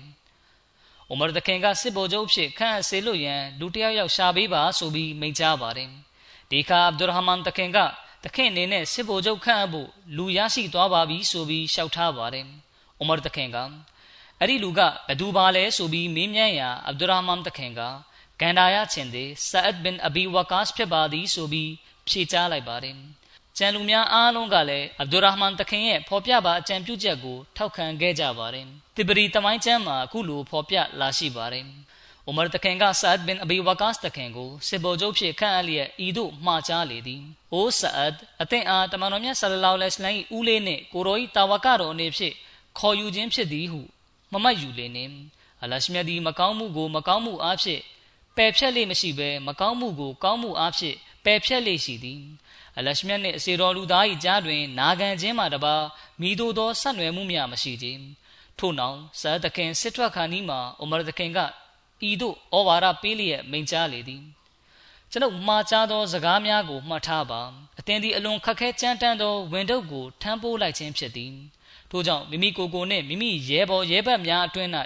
ကောင်းမှု၏အကျင့်ကိုထည့်သွင်းပေးပါယင်းအဖြစ်အောင်မြင်မှုကိုစုခုပါမိသည့်ကိစ္စတွင်မဆိုအကျင့်ဖြစ်အောင်ပြုလုပ်ရာတွင်နီလန်းရှိ၏ကောင်းမှု၏အကျင့်ကိုမွေးမြူခြင်းနီလန်းမှာစဘာတိခံမြဲမြံခြင်းဖြစ်သည်စဘာတိခံမြဲမြံမှုပြုမည်ဆိုလျှင် ကောင်းမှု၏အကျင့်ဆွဲကပ်လာလိမ့်မည်တို့ဖြစ်ရာအခက်ခဲဒုက္ခနှင့်တွေ့တိုင်းစဘာတိခံမြဲမြံမှုကိုကျင့်သုံးပါလေယင်းအဖြစ်အသင်သည်အလရှမြတ်အားကြောက်ရွံ့စိတ်ကိုရရှိလိမ့်မည်အသင်ရဲဘော်ရဲဘက်များကိုခေါ်လျက်ရှရာဖ်မှအီရန်ဘက်သို့တွားပါရှရာဖ်ဆိုတာကနဂျတ်မှာရှိတဲ့စမ်းချောင်းတစ်ခုရဲ့နာမည်ဖြစ်ပါတယ်အလရှမြတ်ပေါ်မှာယုံကြည်ကိုးစားပါအရေးကိစ္စအားလုံးတွင် အရှင်းထံမှအကူအညီကိုရယူပါ လူအရေးအတွက်အလွန်များပြားပြီးလက်နက်အင်အားတောင့်တင်းသောတိုက်ရီခိုက်ရီကောင်းသောလူအုပ်စုနှင့်စစ်ပွဲဆင်နွှဲရန်တွားနေကြောင်းအသင်မှတ်သားထားပါထို့ပြင်စစ်စင်ရေးသဘောအရခရီးလန်းအလွန်ကျန်းပြီးရန်သူအတွက်လုံခြုံမှုရှိသောလူနေမှုစနစ်နှင့်တည်နံထွက်ရှိမှုတွင်အလွန်ကောင်းမွန်သောနေရာစီသို့တွားနေကြောင်းကိုလည်းမှတ်သားပါအသင်သည်ရန်သူ၏လှဲ့ကွက်ထဲသို့မဝင်မိပါစေနှင့်အဘဲကြောင့်ဆိုသောသူတို့သည်လွန်စွာပရိယေကျွဲပြီးလှည့်စားတတ်သောလူအုပ်စုဖြစ်သောကြောင့်ပင် ဂါဒီစီယာသို့ရောက်လျင်မြေပြန့်ဒေသနှင့်တောင်ပေါ်ဒေသရောရှက်၍ဖြစ်တည်နေသောမုတ်ဦးအဆက်သို့ရောက်လိမ့်မည်ထိုနေရာသို့ရောက်လျင်စခန်းချလိုက်ပြီးထိုနေရာမှလုံးဝမဖဲခွာပါနှင့်ရန်သူတို့ကအတင်တို့ရောက်ရှိနေကြသည်ကိုသိရှိသွားကြလျင်ထိတ်လန့်သွားကြလိမ့်မည်ထိုအခါသူတို့သည်မိမိတို့၏မြင်းစစ်သည်များခြေလင်တပ်များနှင့်သူတို့ပိုင်ဆိုင်သမျှသောအင်အားအလုံးစုံဖြင့်အသင်တို့အားစစ်ခင်းကြလိမ့်မည် ထို့သောသောအခြေအနေတွင်အသင်တို့သည်ရန်သူရှိ၌အပြည့်အဝခိုင်မာစွာရပ်တည်၍တွန်းလှန်တိုက်ခိုက်မည်ဆိုလျှင်ရန်သူတို့အားတိုက်ခိုက်ခြင်းမိသောအကျိုးကုသိုလ်ကိုရရှိရန်စိတ်ဆန္ဒထားရှိမည်ဆိုလျှင်တို့ပြင်အသင်တို့၏ရည်ရွယ်ချက်ကလည်းကောင်းမွန်မည်ဆိုလျှင်အသင်တို့သည်မလွဲမသွေရန်သူတို့အားအောင်နိုင်လိမ့်မည်ဟုကျွန်ုပ်ယုံကြည်မျှော်လင့်ပါသည်ထို့နောက်မိသည့်အခါတွင်မျှပါရှင်တို့သည်ယခုကဲ့သို့အင်အားအလုံးရင်းနှင့်အသင်တို့အားတိုက်ခိုက်နိုင်ကြတော့မည်မဟုတ်ချေ တိုက်ခိုက်နိုင်ရင်လည်းသူတို့သည်ကြောက်စိတ်ဖြင့်တိုက်ခိုက်ကြရပေလိမ့်မည်ကျွန်ုပ်အထက်တွင်ဆိုခဲ့သောအချက်များနှံဒုတိယပေါ်ပြသောအချက်ပါတိုင်းအခြေအနေကပေါ်ပေါက်ခဲ့ပြီးဆိုလျှင်အသင်တို့သည်အီရန်သားတို့နှင့်အနီးဆုံးသောနယ်မြေမှဖယ်ခွာလျက်အသင်တို့ပိုင်ဆိုင်သောနယ်မြေရှိတောင်ပေါ်ဒေသသို့ပြန်လာပါဆိုလိုတာကဥမာဒခင်ဖော်ပြတဲ့ဒုတိယအချက်ပါတိုင်းမွတ်စလင်တွေဆစ်ရှုံးခဲ့ပြီးဆိုရင်လည်းလွန်စွာအထိနာမှာမဟုတ်ပဲချက်ချင်းမိမိတို့ပိုင်တဲ့နယ်မြေတဲသို့ပြန်လည်ဆုတ်ခွာလာနိုင်မှာဖြစ်တယ်။ တို့ဆိုလျင်အသင်တို့သည်မိမိတို့၏နယ်မြေပိုင်တဲ့အတွင်း၌ပုံမူ၍ရဲစွမ်းတတ်သည့်ရှိကြလိမ့်မည်။ထို့ပြင်မိမိတို့ပိုင်တဲ့ဖြစ်သောကြောင့်ပုံမူ၍နယ်မြေကျွမ်းကျင်ကြလိမ့်မည်။ထိုခါတွင်အီရန်သားတို့ကအသင်တို့၏ပိုင်တဲ့ထဲသို့ရောက်ရှိလာလျင်ကြောက်ရွံ့ကြလိမ့်မည်ဖြစ်ပြီးနယ်မြေကျွမ်းကျင်မှုလည်းရှိကြလိမ့်မည်မဟုတ်ချေ။တို့တို့ဖြင့်အလရှမြတ်ကတဖန်ထပ်ပြီးအသင်တို့အားရန်သူတွေပေါ်အောင်နိုင်လွှမ်းမိုးမှုအခွင့်အရေးကိုပေးပေလိမ့်မည်အချုပ်ဆိုရတော့ ဇာတ်တခင်ဥဆောင်သောစစ်တပ်ကစစ်မြေပြင်တွင်မိတို့မိဘုံလှုပ်ရှားလှုပ်ဆောင်ရမည်နှင့်ဆက်လင်း၍အိုမာတခင်ကမဒီနာမှထွက်ခွာပြီးစစ်တပ်မှတဆင့်အသေးစိတ်ရှင်းပြနေသည်ထို့နောက်အိုမာတခင်ကရှရာဖ်အမီရှိစမ်းချောင်းရှိရာဒေသမှထွက်ခွာရန်စစ်တပ်ကိုလမ်းညွှန်သည်ထို့ပြင်အိုမာတခင်ကစစ်တပ်ကိုကာဒီစီယာသို့ရောက်ရှိသည်အိုဇိုင်ဘူလ်ဟာဂျာနတ်အိုဇိုင်ဘူလ်ကဝါဒစ်စသည့်နေရာများတွင်စခန်းချပါဟုလည်းမှားလိုက်သည် စခန်းချရာတွင်လည်းထိုနေရာနှစ်ခုစလုံးတွင်အရှိရက်နှင့်အနောက်ရက်တွင် နေရာအနှံ့ဖြန့်ကျက်ပြီးချပါဟုမှားကြသည်အိုဇိုင်ဘူလ်ဟာဂျာနတ်နှင့်အိုဇိုင်ဘူလ်ကဝါဒစ်ဆိုတာကကာဒီစီယာမြို့နဲ့မူဂီဆာမြို့ကြားမှာရှိတဲ့ရေကန်ကြီးနှစ်ခုဖြစ်ပါတယ်အဲ့ဒီရေကန်နှစ်ခုကကာဒီစီယာမြို့နဲ့၄မိုင်ကွာပြီးမူဂီဆာမြို့နဲ့32မိုင်ကွာဝေးပါတယ်။အိုမာတခင်ကမဒီနာမှာထွက်ခွာမဲ့စစ်တပ်ကတဆင့်ဆာဒ်ဘင်အဘီဝကာစ်တခင်ထံပို့လိုက်တဲ့စာပါအကြောင်းအရာကိုကြည်ချင်းအဖြစ်ဂါဒီစီယာရဲ့အနီးဝန်းကျင်မှာ ဝဇိုက်ရေကန်နှစ်ခုရှိကြောင်းသိနိုင်ပါတယ်။အိုမာတခင်ကဆာဒ်ဘင်အဘီဝကာစ်တခင်ကိုမွတ်စလင်စစ်သည်အင်အား4000နဲ့အတူအီရန်သို့ဆေးလွှတ်လိုက်ခြင်းဖြစ်ပါတယ်။အဲဒီနောက်ယီမင်သားစစ်သည်2000နဲ့နဂျတ်သားစစ်သည်2000ကလည်းဆာဒ်တခင်ရဲ့စစ်တပ်နဲ့တွားရောက်ပူးပေါင်းခဲ့ပါတယ်။စစ်တပ်ကခြိတက်သွားနေရင်လန်ခုလတ်မှာဘနူအဆတ်လူမျိုးစုမှလူဦးရေ3000 Ash bin Qais Kindi ဥဆောင်တဲ့ယီမင်စစ်သည်အင်အားတထောင်စတဲ့တပ်ဖွဲ့တွေကလည်းတဘာရီပူးပေါင်းလိုက်ပါခဲ့ကြပါတယ်။ ဒီလိုနဲ့မွတ်စလင်စစ်သည်အင်အားက3000ကျော်ဖြစ်သွားခဲ့ပါတယ်။အဲ့ဒီစစ်သည်3000ပါစစ်တပ်ကြီးထဲမှာပါဝင်တဲ့တာဝကတော်69ပါးကဓမ္မတော်မြတ်ဆလလောလဟ်အလัยဟိနဲ့အတူဘဒရ်စစ်ပွဲမှာပါဝင်ဆင်နွှဲခဲ့တာကြောင့်အဲ့ဒီစစ်တပ်ဟာဘယ်လောက်တောင်အရေးပါသလဲဆိုတာကိုခံမှန်းနိုင်ပါတယ်။တမိုင်းပညာရှင်တေပရီကအဲ့ဒီစစ်တပ်ရဲ့စစ်သည်ဥယေကို9000ကျော်လို့ဆိုထားပါတယ်။ဒါပြင်အဲ့ဒီထဲမှာစစ်သည်310ယောက်က တာဝကတော်တွေဖြစ်ပြီးအစ္စလမ်ခေဦးကာလမှသည်ဘိုင်ဒူရစ်ဝမ်အချိန်ကာလထိတိုင်ဓမ္မတော်မြတ်ဆလလောလဟ်အလัยဟ်နဲ့အတူတကွနေထိုင်ပေါင်းဖော်ခွင့်ရရှိခဲ့သူများဖြစ်တယ်လို့တေပရီကဆိုပါတယ်။နောက်ထပ်တာဝကတော်300ကမကာမြို့ကိုအောင်နိုင်ချိန်မှာပါဝင်ခဲ့သူတွေဖြစ်ပါတယ်။အဲ့ဒီတဲကဥယေ900ကကိုယ်တိုင်တာဝကတော်မဟုတ်ပေမဲ့တာဝကတော်တွေရဲ့သားသမီးအဆက်အနွယ်တွေဖြစ်ပါတယ်။ဆာဒ်ဘင်အဘီဝကာစ်တခင်ကရှရာဖ်ဒေတာသို့ရောက်ရှိပြီးစစ်တပ်နဲ့အတူစခန်းချလိုက်ပါတယ်။မုဆန်နာတခင်က စစ်သည်8000နဲ့အတူကူဖာမြို့အနီးရှိဇူကာရေဂန်နားမှာထပ်ပေါင်းလာမဲ့မွတ်စလင်စစ်တပ်ကိုစောင့်ဆိုင်နေခဲ့ပါတယ်အဲ့ဒီချိန်မှာပဲမုဆန်နာတခင်ကွယ်လွန်သွားခဲ့ပါတယ်ဒီလိုကြောင့်မကွယ်လွန်မီမှာမုဆန်နာတခင်ကဘရှိရ်ဘင်ခဆာစီယာကိုမိမိနေရာမှာစစ်ဦးစီးဖြစ်ခန့်အပ်လိုက်ပါတယ်ရှရာဖ်တို့ရောက်ပြီးနောက်ဆာတခင်ကအိုမာတခင်ထံသို့စစ်တပ်စခန်းချလိုက်တဲ့အကြောင်းအသေးစိတ်စာရေးတင်ပြပါတယ် ဒီခါအိုမာတခင်ကစစ်တပ်ကိုဘယ်လိုတပ်ဆွဲစေရမလဲဆိုတဲ့အကြောင်းကိုမိမိကိုယ်တိုင်အစီအစဉ်ချမှတ်ပေးပါတယ်အိုမာတခင်ကစစ်သည်အားလုံးကို10ယောက်စီတစ်ဖွဲ့ဖွဲ့လျက်ခေါင်းဆောင်တဦးစီခန့်ပါပြီးနောက်ထို10ယောက်ဖွဲ့အားလုံးကိုထိမ့်ချုပ်မိဦးစီးချုပ်တဦးကိုခန့်အပ်ပါထို့နောက်ရေတွက်မိများရှိကြောင်းရေတွက်ပြီးကာဒီစီယာဘတ်သို့ဆေလွတ်ပါအသိန်းစစ်တပ်ကိုဦးစီးကိုကဲရန်မူဂီရာဘင်ရှိုဘာကိုခန့်အပ်ပါ ထို့နောက်မိတို့ပင်အခြေအနေပေါ်ပေါက်လာသည်ဖြစ်စေကျွန်ုပ်ထံပုံမှန်အကြောင်းပြန်ပါဆိုပြီးစာရေးညွှန်ကြားလိုက်ပါတယ်ဆာဒခင်ကအိုမာဒခင်ရဲ့ညွှန်ကြားချက်အတိုင်းစစ်တပ်ကိုအဖွဲ့ငယ်များစွာခွဲပါတယ်ပြီးနောက်အိုမာဒခင်ကိုအသေးစိတ်တင်ပြပါတယ်ဆယ်ယောက်တစ်ဖွဲ့စီတိုင်းမှာခေါင်းဆောင်တဦးချင်းစီခန့်အချင်းကတမန်တော်မြတ်ဆလလောလ္လဟ်အလัยဟိလက်ထက်တုန်းကကျင့်သုံးခဲ့တဲ့နီလန်တစ်ခုဖြစ်ပါတယ်နောက်ထပ်စာတစောင်မှာအိုမာဒခင်ကဆာဒခင်ကိုအခုလိုရေးသားပါတယ် မိမိနှလုံးသားကိုတွင်တင်ဆုံးမလျက်နေပါထို့ပြင်မိမိစစ်တပ်ကိုလည်းတွင်တင်ဆုံးမလျက်နေပါစဘာတိခံမြဲမြံမှုကိုလက်ကင်ပြုပါအကြောင်းဆိုသောအလရှမြတ်ထံမှအစားပေးမှုသည်လူသား၏ဤရဲ့ရည်ရွယ်ချက်ပေါ်မူတည်၍ရရှိတတ်သောကြောင့်ဖြစ်သည်အသင်ပေါ်တင်ရှိသောတာဝန်နှင့်ယခုအသင်လှုပ်ဆောင်တော်မူလုပ်ငန်းစသည်တို့ကိုတတိဝရိယကြီးစွာဖြင့်လှုပ်ဆောင်ပါလိမ့် အလွန်ကောင်းမွန်ထိရောက်စွာတတိထားပြီးလှုပ်ဆောင်ပါထို့နောက်အလရှမြတ်ထံမှကိုလုံမှုကိုတောင်းခံပါထို့ပြင်လာဟောလာဝလာကုဝတာအီလာဘီလာကိုအမြောင်များဖတ်ယူပါအသိစက်တက်သည်မိသည့်နေရာထိရောက်ရှိပြီးမိတို့လှုပ်ဆောင်လျက်ရှိသည်နှင့်အသင်နှင့်တိုက်ခိုက်ရန်ရန်သူဘက်ကစစ်ဦးစီးခေါင်းဆောင်ဖြစ်မိတို့ကိုခန့်အပ်ထားကြောင်းစသည်တို့ကိုကျွန်ုပ်ထံစာရေးအကြောင်းပြန်ပါ အကြောင်းမူကျွန်ုပ်ရေးသားလိုသောအချို့လမ်းညွှန်ချက်များလည်းရှိပြီးယင်းကိုအသင်နှင့်အသင့်ရန်သူတို့၏အခြေအနေတချို့များအားအပြည့်အဝမသိရှိ၍ရေးပြမည်မဟုတ်သောကြောင့်ဖြစ်သည်ထို့ကြောင့်အခြေအနေအရရက်ကိုကျွန်ုပ်ထံစာရေးပေးပို့ပါသို့ဆိုလျှင်ကျွန်ုပ်သည်နောက်ထပ်လမ်းညွှန်ချက်များကိုထပ်ပို့ပါဦးမည်တို့ဖြစ်ရာမွတ်စလင်စစ်တပ်၏စခန်းအသီးသီးနှင့်အခြေအနေအခြေအနေအရရက်ကိုအသေးစိတ်ကျွန်ုပ်ထံတင်ပြပါ အသင်တို့နှင့်အသင်တို့၏ရန်သူအီရန်သားတို့မျိုးဖြစ်သောမဒါအင်၏အကြားတွင်ရှိသည့်အခြေအနေအရရက်ကိုကျွန်ုပ်မျက်စိဖြင့်တက်အပ်မြင်နေရတဲ့ကဲ့သို့အသေးစိတ်ရေးသားပေးပို့ပါအသင်၏ခံစားချက်နှင့်အခြေအနေအားလုံးကိုလည်းကျွန်ုပ်ထံအသေးစိတ်ကြစွာရှင်းလင်းတိကျစွာရေးသားပေးပို့ပါအလရှမြတ်အားကြောက်ရွံ့ပါအရှင်ထံမှမျှော်လင့်ချက်ထားပါ မိမိလုပ်ငန်းစဉ်နှင့်ရေးကိစ္စများအတွက်အရှင်မြတ်ကိုသာယုံကြည်ကိုးစားပါ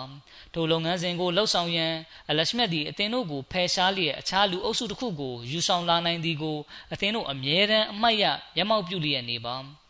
ဂါဒီစီယာတို့ရောက်ရှိပြီးနောက်ဆာတခင်ကအိုမာတခင်ထံသို့မိမိရဲ့စစ်တပ်ကိုဘယ်လိုစခန်းချကြောင်းလက်နက်အင်အားဘယ်လောက်ရှိကြောင်းစတဲ့အခြေအနေအရရက်ကိုစာရေးပြီးတင်ပြပါတယ် အိုမာတခင်ကဆာတခင်ထံသို့အတင်တက်ဆွဲထားသောနေရာမှာသာနေပါရန်သူတွေကိုယ်တိုင်ကအတင်တို့ထံလာတိုက်ပါစေအကယ်၍ရန်သူတပ်ကစစ်ရှုံးသွားပြီဆိုလျှင်မဒိုင်မြို့သို့ခြိတက်ပါဆိုပြီးစာရေးမိန့်ကြားပါတယ်ဆာတခင်ကခလာဖတ်ယုံတော်ကနေအမိတ်ထုံပြန်ချက်နဲ့အညီဂါဒီစီယာမြို့မှာတလကြာနေထိုင်ပါတယ်အဲ့ဒီကာလအတွင်းမှာအီရန်ဘက်ကတဦးတယောက်မျှလာရောက်တိုက်ခိုက်ခြင်းမရှိပါဘူးဒီခါကာဒီစီယာမြို့နေလူတို့ကအီရန်ဘရင်ယက်စဒီဂရစ်ထံသို့ အာရဗ်တို့သည်ကာလအတန်ကြာကပင်ဂါဒီစီယာတွင်တက်ဆွဲထားကြသည်ဒိုတိုင်အောင်လူကြီးမင်းတို့ကသူတို့ကိုတိုက်ထုတ်ဖို့ဘာမျှလဲမလုပ်ပါလားသူတို့သည်ယူဖရေးတီမြစ်တစ်လျှောက်ရှိမြို့အားလုံးကိုတင်ပိုက်ထားပြီးဖြစ်သည်ကျွဲနွားတရိษံများကိုလည်းတင်ပိုက်လိုက်ကြသည်အကယ်၍လူကြီးမင်းတို့ကကျွန်တော်တို့ထံအကူအညီမပေးပါလင်ကျွန်တော်တို့သည်အရာအားလုံးကိုသူတို့လက်သို့အပ်ရပါလိမ့်မည်ဆိုပြီးစာရေးလိုက်ပါတယ်ဒီစာကိုရတာနဲ့အီရန်ဘရင်ယာဇဒီဂရစ်ကမွတ်စလင်တွေကိုစစ်ဆင်နွှဲဖို့ ဗိုလ်ချုပ်ရုစတန်ကိုခေါ်ပါတယ်ဒါပေမဲ့ရုစတန်ကအကြောင်းပြရှောင်လွဲလျက်မိမိနေရာမှာဂျာလီနုစ်ကိုစစ်ဦးစီးဖြစ်ခန့်အပ်ဖို့ဘရင်ကိုအကြံပြုပါတယ်ဒါပေမဲ့ဘရင်ကိုဘလို့မှလှည့်ပတ်ပြောဆိုလို့မရတဲ့အဆုံးမှာရုစတန်ကိုယ်တိုင်စစ်တပ်ကိုခေါ်ပြီးမွတ်စလင်တွေနဲ့စစ်ရင်ဆိုင်ဖို့ရှေ့တန်းသို့ထွက်လာရပါတယ်အိုမာတခင်ကဆာတခင်ထံသို့ဒုစတန်အားအစ္စလမ်ဘတ်သို့ဖိတ်ခေါ်ရန်ဂုံတီရှိသောဉာဏ်ပညာနှင့်ပြည့်စုံသော သူရတတိရှိသောသူများကိုစေပို့ပါ ရန်သူကိုယ်တော်ချက်ချင်းစစ်တိုက်တာမျိုးမလုပ်ဘဲသူတို့ကိုအစ္စလမ်ဘတ်သို့ဥစွာဖိတ်ခေါ်စေပါတယ်။ယင်းအဖြစ်အလရှမြတ်ကသူတို့၏ကြိုးရုပ်ဆက်ရခြင်းနှင့်ကျွန်ုပ်တို့၏အောင်မြင်မှုအတွက်အကြောင်းကံဖြစ်ပြုပေးပါလိမ့်မည်။အသင်ကျွန်ုပ်ကိုနေ့စဉ်စာရေးပါဆိုပြီးစာရေးပေးပို့လိုက်ပါတယ်။ဒီနောက်မှာဆာတခင်ကလူပုဂ္ဂိုလ်14ဦးကိုရွေးချယ်လျက်အီရန်နန်းတွင်းထဲသို့ဆေလွတ်လိုက်ပါတယ်။ဒီလိုအဖြစ်မွတ်စလင်တွေကယက်စဒီဂရစ်ကိုအစ္စလမ်ဘတ်သို့ဖိတ်ခေါ်ရန်ဖြစ်ပါတယ်။ရွေးချယ်ဆေလွတ်လိုက်တဲ့မွတ်စလင်14ဦးက မြင်းတွေစီးပြီးသွားကြပါတယ်မွတ်စလင်တွေကကိုပေါ်မှာခြုံတယ်များကိုခြုံလွှားထားကြပြီးလက်ထဲမှာနှင်းတန်တွေကိုကင်ထားကြပါတယ်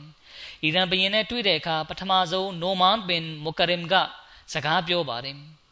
ပြီးနောက်မူဂီရာဘင်ဒရာရာတခင်ကပြောပါတယ်မူဂီရာတခင်ကအီရန်ဘရင်ကို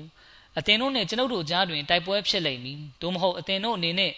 အခွန်တုတ်ပေးလျက်စစ်မတိုက်ပဲရှောင်လွှဲနိုင်သည်။ထို့ကြောင့်အသင်တို့သည်မိမိတို့ကိုယ်ကိုကျွန်ုပ်တို့၏ လက်အောက်နိုင်ငံအဖြစ်ခံယူလျက်အခွန်တုတ်ပေးမိလော။သို့မဟုတ်ကျွန်ုပ်တို့နှင့်စစ်ခင်းရန်အသင့်ပြင်ဆင်မိလော။အသင်တို့ကိုယ်တိုင်ရွေးချယ်ပါ။တတိယရွေးချယ်ခွင့်မှာအကယ်၍အသင်တို့ကသာအစ္စလမ်ကိုလက်ခံပြီးဆိုလျင်အစစအရာရာတွင်အသင်တို့လုံခြုံငြိမ်းချမ်းမှုကိုရရှိလိမ့်မည်ဆိုပြီးပြောပါတယ်။ဒီအခါမှာယက်စဒီဂရစ်ကတန်တမန်တွေကိုမတတ်ဖြတ်ရဟုသောတားမြစ်ချက်သာမရှိလျင်ငါသည်အသင်တို့အားလုံးကိုတပ်ပြစ်မိတာဖြစ်၏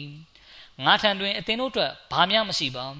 အသင်တို့ပြန်သွားကြဆိုပြီးချိန်မောင်းပြောဆိုလိုက်ပါတယ်ပြီးနောက်မှာယက်စဒီဂရစ်ကမြေကြီးပြည့်ထည့်ထားတဲ့တောင်းကိုယူလျက်အသင်တို့လိုချင်တဲ့မြေကအဲ့ဒီမှာအဲ့ဒီမြေတောင်းကိုယူပြီးအသင်တို့ပြန်တော့ဆိုပြီးနှင်ထုတ်လိုက်ပါတယ်ဒီနောက်အီရန်ဘရင်ကမိမိရဲ့မူးမတ်တွေကိုမဒိုင်မြို့ရဲ့မုတ်တကားကနေအပြင်ကို ထုတ်ပစ်လိုက်ကြဆိုပြီးအမိန့်ပေးပါတယ်အီရန်ဘရင်ပေးတဲ့မြေတောင်းကိုအာဟဆန်ဘင်အမာကယူလိုက်ပြီးဆာဒခင်ထံပေးလျက် အလရှမြတ်ကကျွန်ုပ်တို့ကိုအီရန်နိုင်ငံ၏တော့ကိုပေးခဲ့ပြီးဖြစ်ကြောင်းဝမ်းမြောက်ဖွယ်သတင်းကောင်းကိုနားထောင်ပါဆိုပြီးပြောပါတယ်။အဲ့ဒီဖြစ်ရပေါ်ပေါက်ပြီးလာများစွာကြာအောင်နှစ်ဖက်စလုံးကတိတ်ဆိတ်နေကြပါတယ်။ရူစတမ်ကမိမိရဲ့စစ်တပ်နဲ့အတူဆဘတ်အယက်မှာတပ်ဆွဲထားပါတယ်။ယက်စဒီဂရစ်ကတွန်းအားပေးသည့်တိုင်ရူစတမ်ကစစ်မတိုက်ပဲရပ်တန့်ထားပါတယ်။ပြည်သူတွေက အီရန်ဘရင်ယက်စဒီဂရစ်ထံကျွန်ုပ်တို့ကိုကာကွယ်ပါ မွတ်စလင်တို့အားတိုက်ထုတ်ပါသို့မဟုတ်ရင်ကျွန်ုပ်တို့သည်အရဗ်တို့၏လက်အောက်ခံဖြစ်သွားပါလိမ့်မည်ဆိုပြီးတင်ပြတောင်းဆိုတဲ့အတွက်ဘယင်ကလည်းမနေတာပဲရူစတန်ကိုစစ်တိုက်ဖို့အမိန့်ပေးပါတယ်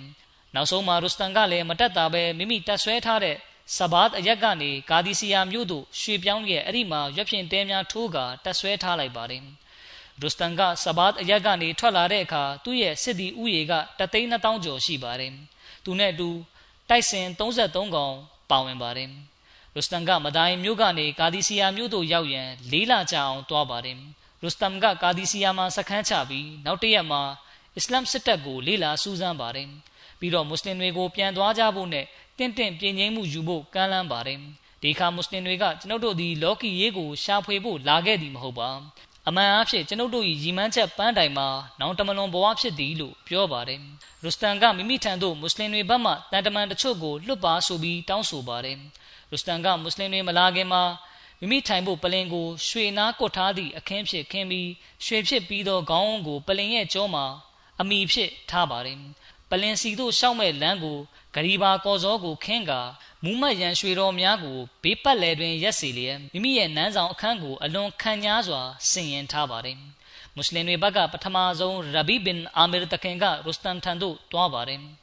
ရဘီတခင်ကရူစတန်ထံသို့ဘယ်လိုပုံစံမျိုးနဲ့တွားသလဲဆိုရင်မိမိရဲ့လန်ဒန်ကိုအမိအတွေ့ပြုလျက်လှန်ရဲ့စူးသွားကိုကျမ်းပြင်ထောက်ပြီးခြေလမ်းဖြည်းဖြည်းလှမ်းပြီးတွားခြင်းဖြစ်ပါတယ်ဒီလိုလန်ဒန်ကိုကျမ်းပြင်မှာထောက်တဲ့အတွက်ရူစတန်ရဲ့ပလင်ရှိရာလမ်းမှာခင်းထားတဲ့အကောင်းစားရွှေနားကိုဂရီဘာကော်စောခင်းတွေကပေါက်ပြဲကုန်ပါတယ်ရဘီတခင်ကရူစတန်ရဲ့ရှိသို့ရောက်တဲ့အခါထိုင်ချလိုက်ပြီးလန်ဒန်နဲ့အခင်းကိုထောက်ခွဲပါတယ်ရဘီတခင်ကရူစတန်ကိုအချက်၃ချက်ပြပါတယ် ပထမအချက်ကလူကြီးမင်းတို့အစ္စလာမ်ကိုလက်ခံပြီးဆိုရင်ကျွန်ုပ်တို့ဒီလူကြီးမင်းတို့အားဘာမှမလုပ်ပဲထိုတိုင်းထားခဲ့ပါမည်လူကြီးမင်းတို့၏နိုင်ငံကိုလည်းမိတို့မြထိခိုက်နစ်နာအောင်လုပ်မည်မဟုတ်ပါ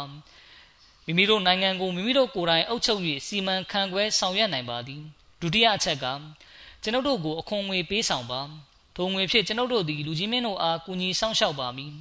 တတိယအချက်ကအကယ်၍ကျွန်ုပ်တို့တင်ပြသည့်အချက်နှစ်ခုကိုလက်မခံပါလင်စရုပ်ထမြောက်နေ့တွင်ကျွန်ုပ်တို့နှင့်လူကြီးမင်းတို့အကြားတွင်တိုက်ပွဲဆင်နွှဲရပါလိမ့်မည်။သုံးရက်တာကာလလူကြီးမင်းတို့ကိုအခွင့်အရေးပေးပါမည်။ထိုသုံးရက်အတွင်းကျွန်ုပ်တို့ဘက်ကဥစွာစတင်၍လူကြီးမင်းတို့ကိုတိုက်ခိုက်မည်မဟုတ်ပါ။အကယ်၍လူကြီးမင်းတို့ဘက်ကသာထိုသုံးရက်အတွင်းတရက်ရက်တွင်ဥစွာစတင်၍ကျွန်ုပ်တို့ကိုတိုက်ခိုက်လာမည်ဆိုလျှင်ကျွန်ုပ်တို့သည်မလွဲမရှောင်သာပြန်လည်တိုက်ခိုက်ရပါလိမ့်မည်။နောက်တစ်နေ့မှာဆာတခင်က ဟိုဇိုင်ဖာဘင်မဲဆန်တခင်ကိုရူစတန်ဘတ်တို့ဆေလွတ်ပါတယ်။ဟိုဇိုင်ဖာတခင်ကလည်းရဘီတခင်ပြောခဲ့တဲ့အချက်၃ချက်ကိုပဲတင်ပြပြောဆိုပါတယ်။တတိယနေ့မှာမူဂီရာဘင်ရှိုဘာတခင်ကရူစတန်ထံသို့တွားရောက်ပြီးရှေ့ကမိမိရဲ့ညီနောင်နှစ်ယောက်ပြောခဲ့တဲ့အချက်၃ချက်ဖြစ်တဲ့အစ္စလမ်ကိုလက်ခံရန်အခွန်ထုတ်ပေးဆောင်ရန်နဲ့စစ်တိုက်ဖို့အသင့်ပြင်ရန်စတဲ့အချက်၃ချက်ကိုပြောပြနေစဉ်နောက်ဆုံးအချက်အရောက်မှာရုစတန်ကအသင်တို့မလွဲမသွေတေပွဲဝင်ရမည်ဆိုပြီးပြောပါတယ် မူဂီရာသခင်ကကျွန်ုပ်တို့ထဲကအသက်ခံရတဲ့လူဟာမလွဲမသွေဂျနတ်ဥယျင်တို့ဝင်ရောက်ရမှာဖြစ်တယ်အသင်တို့ထဲကအသက်ခံရတဲ့လူကတော့ဂျဟန္နမ်ငရဲသို့ဝင်ရောက်ရမှာဖြစ်တယ်ကျွန်ုပ်တို့တဲကအသက်ရှင်တဲ့လူဟာအသင်တို့ကိုအောင်နိုင်ပြီးအသက်ရှင်ခြင်းဖြစ်တယ်လို့ပြောပါတယ်မူဂီရာသခင်ရဲ့စကားကိုကြားပြီးရုစတန်ကကျိန်ဆိုလျက်ငါတို့ကိုးကွယ်တဲ့နေနဲ့လကိုကျိန်ဆိုပြီးပြောမယ်နနက်မနှင်းမီငါတို့အသင်တို့ကိုစတင်တိုက်ခိုက်မယ်အသင်တို့ကိုညံ့ညက်ကြည်အောင်လုပ်ဖြစ်မယ်လို့ပြောပါတယ် မူဂီရာသခင်ကိုဆေလိုပြီးနောက်မှာလဲဆာသခင်ကလိန်မာပါနတ်မှုရှိတဲ့အချို့မွတ်စလင်တွေကိုရုစတမ်ထံသို့ဆေလွတ်ပါတယ်အဲ့ဒီမွတ်စလင်တွေကညနေရောက်တော့ပြန်လာကြပါတယ်ဆာသခင်ကမွတ်စလင်တွေကိုမိမိတပ်ဆွဲထားတဲ့ဘက်မှာပဲရက်နေကြဖို့အမိန့်ထုတ်ပြန်ပါတယ်ပြီးနောက်အီရန်သားတွေဘက်သို့မြစ်ကိုဖျက်ဆောက်ထားတဲ့တရားကိုကြော်ဖြတ်ပြီးကျွန်ုပ်တို့ထံလာဖို့ကအသင်တို့ရဲ့တာဝန်ဖြစ်တယ်ဆိုပြီးပြောပါတယ်တရားကိုမွတ်စလင်တွေကတိမ့်ပိုက်ထားပါတယ် ဒီလိုကြောင့်အီရန်သားတွေကတညာလုံးအခြားတနေရာဖြစ်တဲ့အတိတ်မြစ်ကိုဖြတ်ပြီးတရားဆောက်လုပ်ကြရပါတယ်ရုစတန်ကတရားကိုဖြတ်ကျော်တဲ့အချိန်မှာမနက်ဖြန်မွတ်စလင်တွေကိုညံ့ညက်ကြည်အောင်တိုက်ပြစ်မယ်ဆိုပြီးကြုံဝါပါတယ်အဲ့ဒီတန်ကိုကြားတဲ့အခါလူတစ်ယောက်ကအလရှမြတ်အလိုရှိတယ်ဆိုရင်တော့မွတ်စလင်တွေကိုအောင်နိုင်ပါလိမ့်မယ်လို့ပြောပါတယ်အဲ့ဒီလူကအီရန်တပ်သားဖြစ်ပေမဲ့အလရှမြတ်ပေါ်မှာယုံကြည်တာဖြစ်နိုင်ပါတယ်ဒီခါရုစတမ်က အလာကအလိုမတူရင်လဲငါတို့ကမွတ်စလင်တွေကိုညံ့ညက်ကြည်အောင်နင်းချေမှာပဲလို့ပြောပါတယ်မွတ်စလင်တွေကစစ်ပွဲဆင်နွှဲဖို့မိတို့ရဲ့တန်းတွေကိုစီတန်းပြီးဖြစ်ပါတယ်ရာသီဥတုနဲ့ပတ်ဝန်းကျင်ရေမြေကြောင့်စားသခင်ရဲ့ခန္ဓာကိုယ်မှာအဖုပိန်တွေထွက်လာပါတယ်ဒီလိုကြောင့်သခင်ကဝမ်းလျားမှောက်ပြီးအိတ်နေရပါတယ်သခင်ရဲ့ရင်ဘတ်အောက်မှာခေါင်းကိုခုထားပါတယ်သခင်ကိုတစ်ပင်ရဲ့အပေါ်ဘက်မှာဆင်ထိုးပြီးတင်ထားတဲ့အတွက်သခင်ကစစ်တပ်ကိုအပေါ်ကနေကြည့်ပြီးလမ်းညွှန်မှုတွေပြုလုပ်ပါတယ် ဆာသခင်ကမိမိရဲ့နေရာမှာခါလစ်ဘင်အာဖတာသခင်ကိုခန့်ထားပါတယ်ပြီးနောက်ဆာတခင်ကခါလစ်တခင်ကိုဂျီဟတ်ဆင်နွှဲမှုအကြောင်းနဲ့ပတ်သက်ပြီးဩဝါဒပေးလျက်ဂျီဟတ်ကိုအာသွန်ခွန်ဆိုင်ဆင်နွှဲဖို့တိုက်တွန်းပြောဆိုပါတယ်ပြီးတော့အလရှမြတ်ကမွတ်စလင်တွေကိုအောင်နိုင်မှုပေးမယ်ဆိုတဲ့ဂရိစကားကိုခါလစ်တခင်အားသတိပေးပြောကြားပါတယ်ပါရှင်စစ်တပ်ကအတိတ်မြကန်းဇတ်သို့ရောက်ရှိနေကြပါပြီအတိတ်မြကယူဖရေးတီမြစ်ကနေခွဲဖြာစီးထွက်လာတဲ့မြစ်လက်တက်တစင်းဖြစ်ပါတယ် မွတ်စလင်စစ်တပ်ကကိုဒိုက်စ်မြို့ရဲ့မြို့ဦးနိုင်ရန်ဘက်မှာရှိပါတယ်ကိုဒိုက်စ်ဆိုတာကကာဒီစီယာမြို့နားမှာရှိပြီးအတိတ်မြစ်ရဲ့တမိုင်ကွာမှာရှိတဲ့ဒေသတစ်ခုဖြစ်ပါတယ်အီရန်စစ်တီတဲကစစ်တီဥယေ3000ဟာတဦးနဲ့တဦးတန်ကြိုးများဖြင့်တုံနှောင်ထားကြပါတယ်ဒီလိုလောက်ရခြင်းရည်ရွယ်ချက်ကစစ်မြေပြင်ကနေထွက်ပြေးလို့မရအောင်ဖြစ်ပါတယ်ဆာတခင်ကမွတ်စလင်တွေကိုဆူရာအန်ဖာဖတ်ကြဖို့အမိန့်ပေးလိုက်ပါတယ် ဆူရာအန်ဖာကိုဖတ်ရကြတဲ့အခါမွတ်စလင်တွေဟာအေးချမ်းမှုကိုခံစားကြရပါတယ်ဇော်ဟ်နမတ်ပြုပြီးတဲ့နောက်မှာမွတ်စလင်တွေနဲ့အီရန်သားတွေကြားမှာစတင်ပြီးတိုက်ပွဲဖြစ်ပါတယ်အီရန်သားတွေကမွတ်စလင်တွေကိုအတော်လေးအထိနာအောင်တိုက်ခိုက်နိုင်ခဲ့ပါတယ်ဘနူတမင်းလူမျိုးစုမှကျွမ်းကျင်သောလက်ရွေးစဉ်ဘနူတမင်းလူမျိုးစုမှကျွမ်းကျင်သောလက်ရွေးစဉ်များတီတော်များကိုခေါ်လျက်အာဆင်တခင်ကဆင်တွေပေါ်မှာထိုင်နေကြစင်စည်းသမားတွေကိုမြားနဲ့ပြစ်ကြဆိုပြီးမိန့်ကြားပါတယ် ပြီးတော့အာဆင်တခင်ကသူရဲကောင်းစစ်တီတွေကိုစင်ရဲ့အနောက်ဘက်သို့သွားပြီးစင်ပေါ်တင်ထားတဲ့ကုန်းနီးကျိုးတွေကိုခုတ်ပိုင်းကြားဆိုပြီးမိန့်ကြားပါတယ်ဒီလိုကြောင့်ကုန်းနီးကျိုးပြတ်ပြီးစင်ပေါ်မှာတင်ထားသမျှအရာအလုံးပြုတ်မကျပဲကြံရစ်တဲ့စင်ရဲလို့မရှိခဲ့ပါဘူးနေဝင်ချိန်တိုင်းစစ်ပွဲကဖြစ်ပွားလျက်ရှိခဲ့ပါတယ်ပထမရက်မှာဘနုအဆတ်လူမျိုးစုမှမွတ်စလင်စစ်သည်900ရှိုက်ပြုအသက်ခံရပါတယ်အဲ့ဒီနေ့ကိုယောင်မုလ်အာမတ်စ်လို့မှဲ့တွင်ခဲ့ပါတယ် နောက်တစ်နေ့နနက်လင်းတဲ့အခါဆာသခင်ကရှဟီဒီအားလုံးကိုမြေမြုပ်တကြိုပါတယ်ဒဏ်ရာရစစ်သည်များကိုတော့စေကူတာဖို့အတွက်တူနာပြုအမျိုးသမီးများလက်သို့အပ်ပါတယ်စီးရီးယားကနေလည်းမွတ်စလင်တပ်ဖွဲ့ကိုကူညီဖို့စစ်ကူရောက်ရှိလာပါတယ်ဆာဒ်ဘင်အဘီဝါကာစ်တခင်ရဲ့နောင်တော်ဟာရှင်ဘင်ဥတဘာဘင်အဘီဝါကာစ်တခင်ကတပ်ဖွဲ့တစ်ခုရဲ့စစ်ဦးစီးခေါင်းဆောင်တဦးဖြစ်ပါတယ်အဲ့ဒီတပ်ဖွဲ့ရဲ့ရှေ့မှာရှိတဲ့တပ်ဖွဲ့တစ်ခုရဲ့ခေါင်းဆောင်ကတော့ကာကာဘင်အမရတခင်ဖြစ်ပါတယ် ကာကာကအလင်းမြန်ခရီးလမ်းတွေကိုဖျက်ဆီးလျက်အီရတ်ဘက်ရောက်နေတဲ့မွတ်စလင်စစ်တပ်နဲ့တွားရောက်ပူးပေါင်းခဲ့ပါတယ်။ကာကာကမိမိဦးဆောင်တဲ့စစ်တပ်ကို10ရောက်တပ်ဖွဲ့တစ်ခုစီဖွဲ့လိုက်ပါတယ်။အဲဒီ10ရောက်တပ်ဖွဲ့တစ်ခုစီကတစ်ဖွဲ့နဲ့တစ်ဖွဲ့အတန်းငယ်အကွာဝေးကနေဆက်သွယ်ချိတ်ဆက်ပြီးလှုပ်ရှားနေကြပါတယ်။အလဲကျစီအစ္စလမ်အလံကိုကင်ဆောင်လျက်တစ်ဖွဲ့နဲ့တစ်ဖွဲ့ပူးပေါင်းကြပါတယ်။မိမိတို့ထံတပ်ဖွဲ့တစ်ခုရောက်လာတိုင်းလက်ခံကြိုဆိုတဲ့တပ်ဖွဲ့ကနာရိုင်တက်ဘီဆိုတဲ့အတန်ကိုမြင့်ဆွင့်စွာကြွေးကြော်ကြပါတယ်။ တတနည်းအားဖြင့်မွတ်စလင်တွေဟာအချိန်ပြည့်စစ်ကူရရှိနေပါတယ်ကာကာတခင်ကိုယ်တိုင်ကပထမ10ရောက်တပ်ဖွဲ့စီတို့ရောက်ရှိသွားပါတယ်။တခင်ကရောက်တာနဲ့မွတ်စလင်တွေကိုဆလမ်ဆိုပြီးစစ်ကူရောက်ရှိလာတဲ့သတင်းကောင်းကိုပေးပါတယ်။ပြီးနောက်ကာကာတခင်ကမွတ်စလင်တို့အားအိုးလူပေါင်းတို့အသင်တို့ဒီကျွန်ုပ်လှုပ်သည့်အတိုင်းလိုက်လုပ်ကြပါဆိုပြီးပြောလျက်တခင်ကရှေ့တက်သွားပါတယ်။ ပြီးတော့ကာကာတခင်ကမျက်နှာချင်းဆိုင်မှာရှိတဲ့အီရန်ဘက်ကလူတွေကိုမိမိနဲ့ရှင်ပြိုင်တက်ခုတ်မဲ့လူတအူထွက်လာဖို့စိတ်ခေါ်ပါတယ်။ဒီခါအီရန်ဘက်ကဘာဟမန်ဂျဇဗီယာကရှေ့ထွက်လာပါတယ်။ကာကာတခင်နဲ့ဘာမန်ရဲ့ကြားမှာတဦးချင်းတိုက်ခိုက်ကြပါတယ်နောက်ဆုံးမှာကာကာတခင်ကဘာဟမန်ကိုတပ်ဖြတ်လိုက်ပါတယ်မွတ်စလင်တွေကဘာဟမန်အသက်ခံရမှုနဲ့မွတ်စလင်စစ်ကူရောက်ရှိလာမှုကြောင့်လွန်စွာပျော်ရွှင်နေကြပါတယ်ကာကာတခင်နဲ့ပတ်သက်ပြီးအဘူဘကာတခင်ရဲ့မိန့်ကြားချက်ရှိပါတယ် ကာကာကဲ့သို့သော လူပုဂ္ဂိုလ်ရှိနေသောဗတ်ချမ်းတွင်စစ်ပွဲတွင်မိသည့်ခါတွင်မျှမရှုံးနိုင်ကြအဲ့ဒီချိန်မှာအီရန်သားတွေကသူတို့ရဲ့တိုက်စင်တွေနဲ့စစ်မတိုက်နိုင်ခဲ့ပါဘူး။ဘာကြောင့်လဲဆိုတော့စင်တွေပေါ်မှာကုန်းကြီးတွေလည်းမရှိတော့တာကြောင့်ပါပဲ။ဒါကြောင့်အီရန်စစ်သည်တွေကိုနနက်ခင်းမှာကလေးကစင်တွေကိုကုန်းကြီးတက်ဆင်ပေးခြင်းအစင်တစားကာကြိုးတက်ဆင်ပေးခြင်းတွေပြုလုပ်နေရပါတယ်။မွတ်စလင်တွေကမိမိတို့ရဲ့ကလအုပ်တွေကိုကြောပေါ်မှာဒုတ်တိုင်တွေထောင်မှတ်ပြီး ကလအုပ်ဝမ်းပိုက်နဲ့လေးဘက်လေးတန်မှာတွဲချီလျက်အပေါ်ကနေကလအုပ်တကောင်လုံးမြုပ်အောင်အဝတ်နှက်တွေအုပ်လိုက်ပါတယ်။ဒီလိုကြောင့်အဲ့ဒီကလအုပ်တွေကိုရုတ်တရက်ကြည့်ရင်စင်တွေလို့ထင်ရပါတယ်။စစ်ပွဲမှာအဲ့ဒီကလုတ်တွေကဟိုဒီဒီလျှောက်သွားတဲ့အခါအီရန်သားတွေရဲ့စစ်မြင်းတွေကအဲ့ဒီကလုတ်တွေကိုမြင်ပြီးကစုံပေါက်ပြေးကြပါတယ်။ပမာပြောရရင်အစာပိုင်းမှာတော့ကအီရန်သားတွေရဲ့ဆင်တွေကိုမြင်ပြီးမွတ်စလင်တွေရဲ့ဆင်မြင်းတွေကဗတိုက်ရက်ပြီးကစုံပေါက်ပြေးကြတဲ့အတိုင်းပါပဲ။ မနက်ကနေညနေအထိနှစ်ဖက်အုပ်စုကြားမှာမြင်းစည်းတိုက်ပွဲပြင်းထန်စွာဖြစ်ကြပါတယ်။နေတပတ်လောက်ကစပြီးခြေလင်တက်တွေရောစင်တက်မြင်းတက်တွေပါပါဝင်လာလျက်ပြင်းထန်တဲ့စစ်ပွဲကြီးစတင်ဖြစ်ပွားပါတယ်။အဲဒီလိုနဲ့စစ်ပွဲကြီးကညာတကောင်ချိန်ထိဖြစ်နေခဲ့ပါတယ်။ဘာရှင်တွေနဲ့စစ်ဖြစ်တဲ့ဒုတိယနေ့ကိုယောင်မူလ်အဂဝါစ်လို့ခေါ်ပါတယ်။အဲဒီနေ့ဟာမွတ်စလင်တွေအောင်ပွဲရတဲ့နေ့ပါပဲ။ တတိယနေ့နနက်မိုးလင်းတဲ့အခါနှစ်ဖက်စစ်တပ်လုံးကမိမိတို့တပ်ဆွဲထားတဲ့ဗတ်ချမ်းမှာကိုစီရှိကြပါတယ်။အဲဒီနေ့မှာသွေးချောင်းစီးတိုက်ပွဲဖြစ်ပွားပါတယ်။မွတ်စလင်ဘက်ကစစ်သည်2000ရှိဖြစ်ကြာဆုံးပြီးအီရန်သားတွေဘက်ကစစ်သည်1000တေဆုံးပါတယ်။မွတ်စလင်တွေကမိမိတို့ရဲ့တေဆုံးသူမွတ်စလင်ရုပ်လောင်းတွေကိုမြေမြုပ်နေကြပြီးဒဏ်ရာရသူတွေကိုစေကုသပေးဖို့အတွက်တူနာပြုအမျိုးသမီးထံသို့ပို့ဆောင်ပေးပါတယ်။အီရန်သားတွေရဲ့တေဆုံးသူရုပ်လောင်းတွေကတော့ စစ်မြေပြင်မှာကောက်မဲ့သူမရှိဘဲဒီတိုင်းပြန့်ကျဲနေပါတယ်။အဲဒီနေ့မှာအီရန်သားတွေကမိမိတို့ရဲ့စင်တွေကိုကုန်းနီးစီးပေးခြင်းစတာတွေပြုလုပ်နေကြပါတယ်။ခြေလင်တပ်သားတွေကစင်တွေနဲ့အတူရက်နေကြပါတယ်။ဒါပေမဲ့ရခိုင်နေတွေကလိုအီရန်စစ်တပ်ဘက်ကစင်တွေကိုစစ်မြေပြင်အနှံ့မှာဖြန့်ကျက်ထားသလိုမျိုးမလုပ်နိုင်တော့ပါဘူး။ဆာတခင်ကကာကာနဲ့အာဆန်တခင်ထံသို့အီရန်စစ်တပ်ဘက်မှဆင်ဖြူကကျွန်ုပ်နောက်သို့လိုက်နေတာကိုတားဆီးပေးပါဆိုပြီးသတင်းပို့လိုက်ပါတယ် ဒီလိုကြောင့်ကာကာတခင်နဲ့အာဆင်တခင်တို့ကစင်ဖြူရဲ့မျက်စိနှစ်ဖက်ကိုလှန်နဲ့ပြစ်သွင်းထိုးဆိုင်လိုက်တဲ့အခါစင်ဖြူကအလွန်ကျဲလောင်စွာအော်ဟစ်လျက်ရုန်းကန်ပြီးသူ့ပေါ်မှာစီးနှင်းနေသူကိုအောက်သို့ပြုတ်ကျစေခဲ့ပါတယ်ပြီးနောက်ဒီတာဝကတော်နှစ်ပါးကစင်နှမောင်းကိုခုတ်ပိုင်းပါတယ်ပြီးတဲ့အခါမြားတွေနဲ့ဒရဇက်ပစ်ခတ်ပြီးစင်ကိုလဲကျအောင်ပြုလုပ်ခဲ့ပါတယ်ပြီးတော့မွတ်စလင်တပ်ဖွဲ့ကနောက်ထပ်စင်တကောင်ရဲ့မျက်လုံးနှစ်ဖက်ကိုလှန်တန်နဲ့ပြစ်သွင်းထိုးဆိုင်လိုက်ပါတယ်ဒီလိုကြောင့်အဲ့ဒီစင်ကစူးရှကျဲလောင်စွာအော်ဟစ်လျက် ကမူရှူရိုထွက်ပြေးကမွတ်စလင်စစ်တပ်ရှိရာသို့ပြေးလာလိုက်အီရန်စစ်တပ်ရှိရာသို့ပြေးသွားလိုက်နဲ့ဖြစ်နေပါတယ်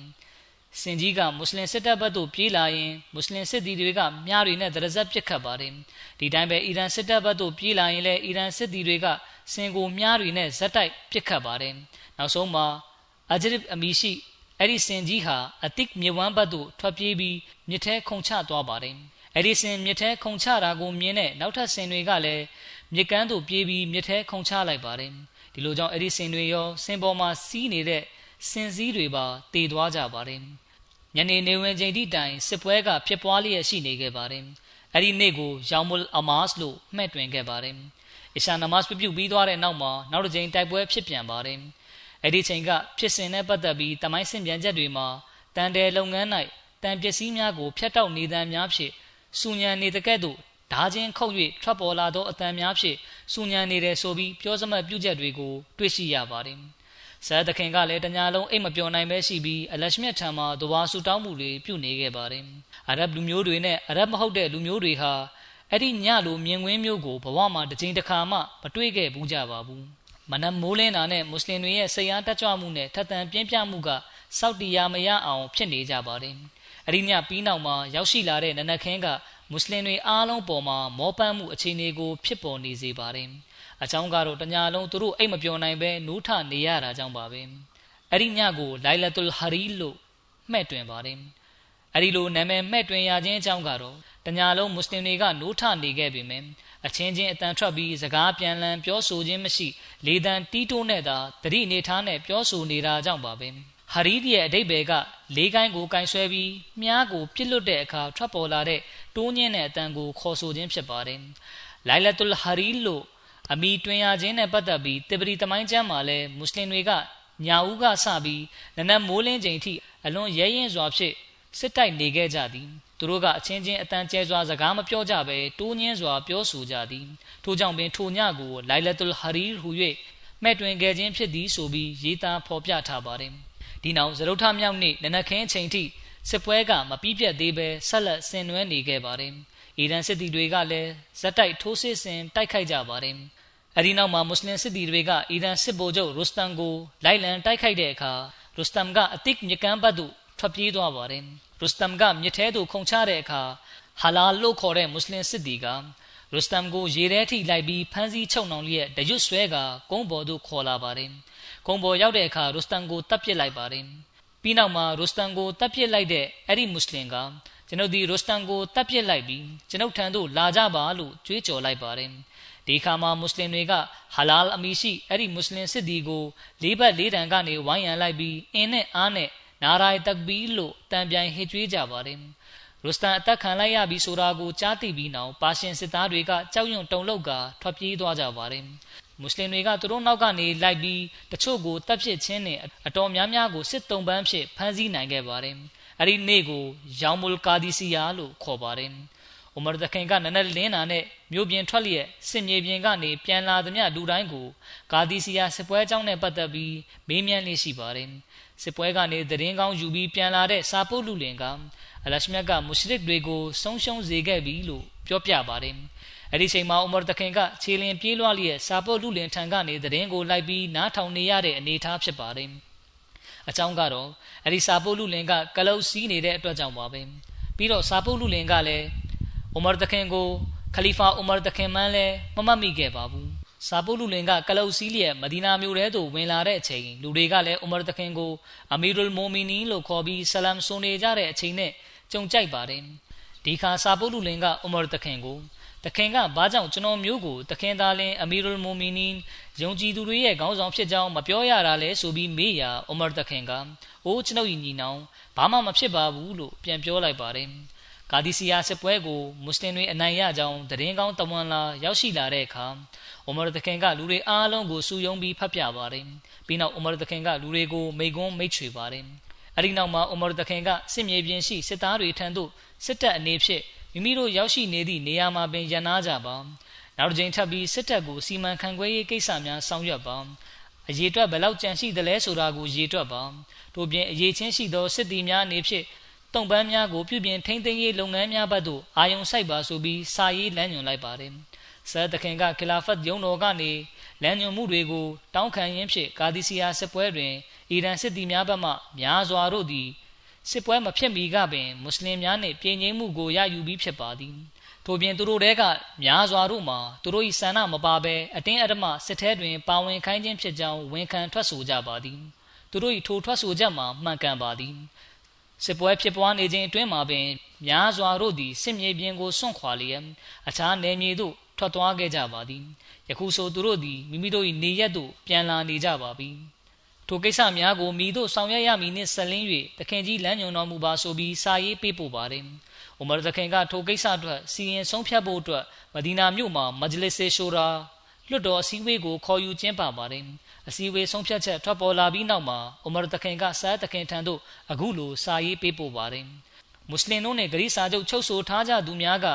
မိမိတို့ပြုထားသည့်ဂရိကဝတ်ကိုဖြည့်ဆည်းဆောင်ရွက်ခဲ့ပြီးမိမိတို့နေရက်မှာပင်နေထိုင်ကြက အခြားမိသည့်နေရာသို့မျှပြောင်းရွှေ့သွားခြင်းမရှိဘူးဆိုရင်သူတို့၏ဂရိစာချုပ်ပါအချက်များကိုတစ္ဆာရှိစွာဖြင့်ကျွန်ုပ်တို့ဘက်မှအပြည့်အဝရိုသေလေးစားစွာဖြည့်ဆည်းပေးရပါမည်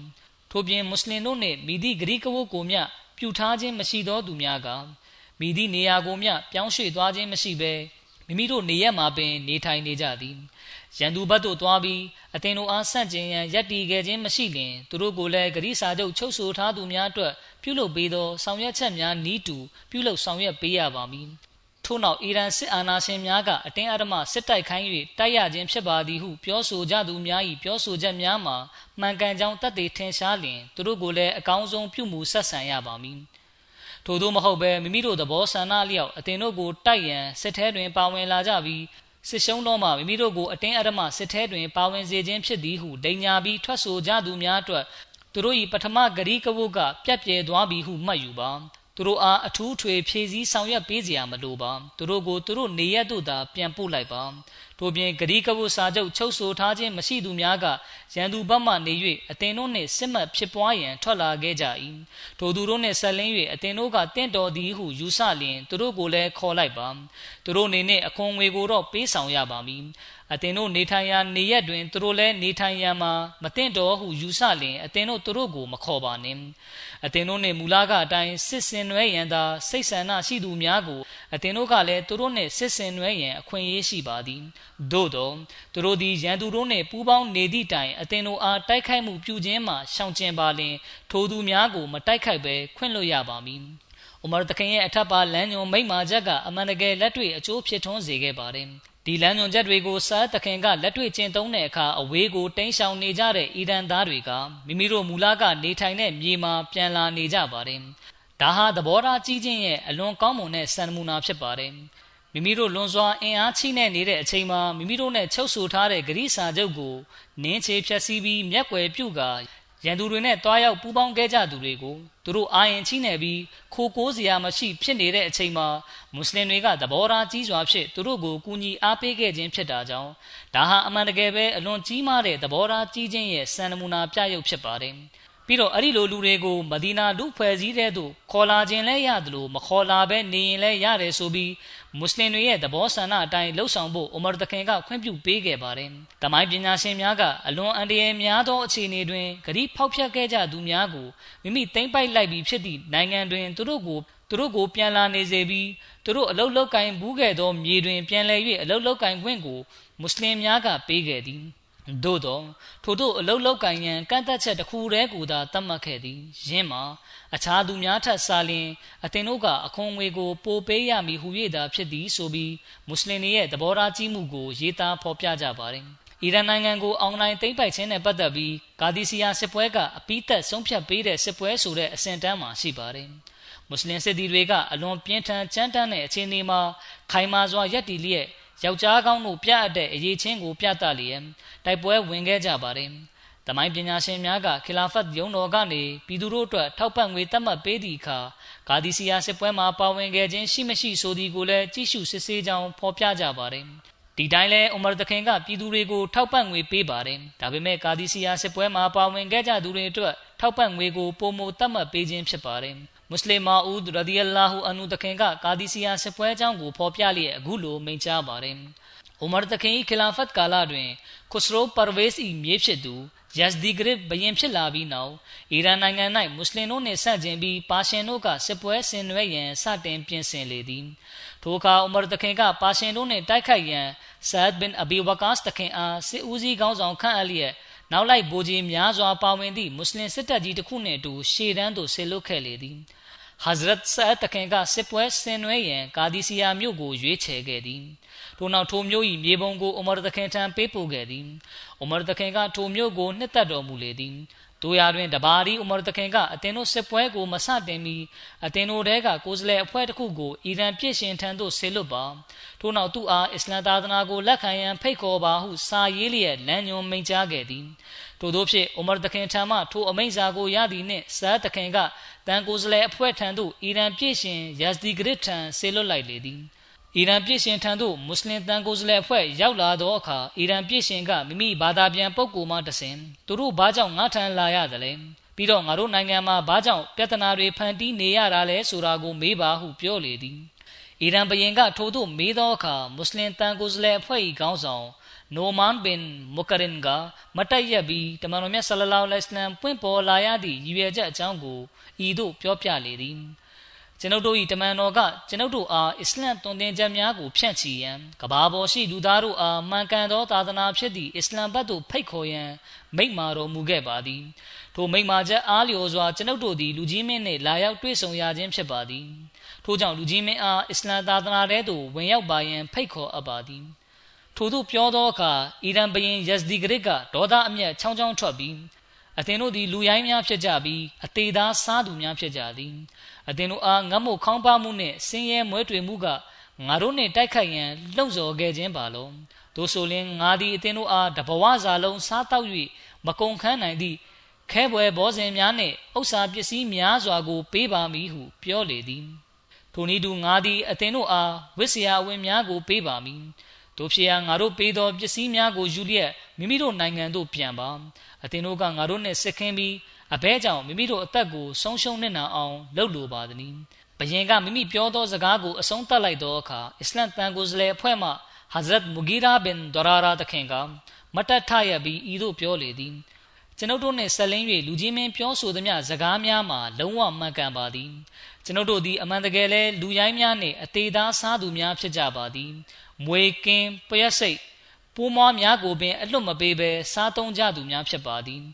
သို့သောအလရှမြတ်က ကျွန်ုပ်တို့အပေါ်ဖဇလ်ကျေးဇူးပြုတော်မူသောအဖြစ်ကျွန်ုပ်တို့အား လမ်းမှန်သို့ ညွှန်ပြရန်အလို့ငါမိမိတမန်တော်အားဆေလွတ်တော်မူခဲ့ပါသည် ကျွန်ုပ်တို့က ထိုတမန်တော်အားတောက်ဝင်ယုံကြည်ခဲ့ကြသည် ထိုတမန်တော် မိန့်ကြားခဲ့သော စကားများအတိုင်း ကျွန်ုပ်တို့ ကျင့်သုံးတည်ဆောက်ခဲ့ကြပါသည်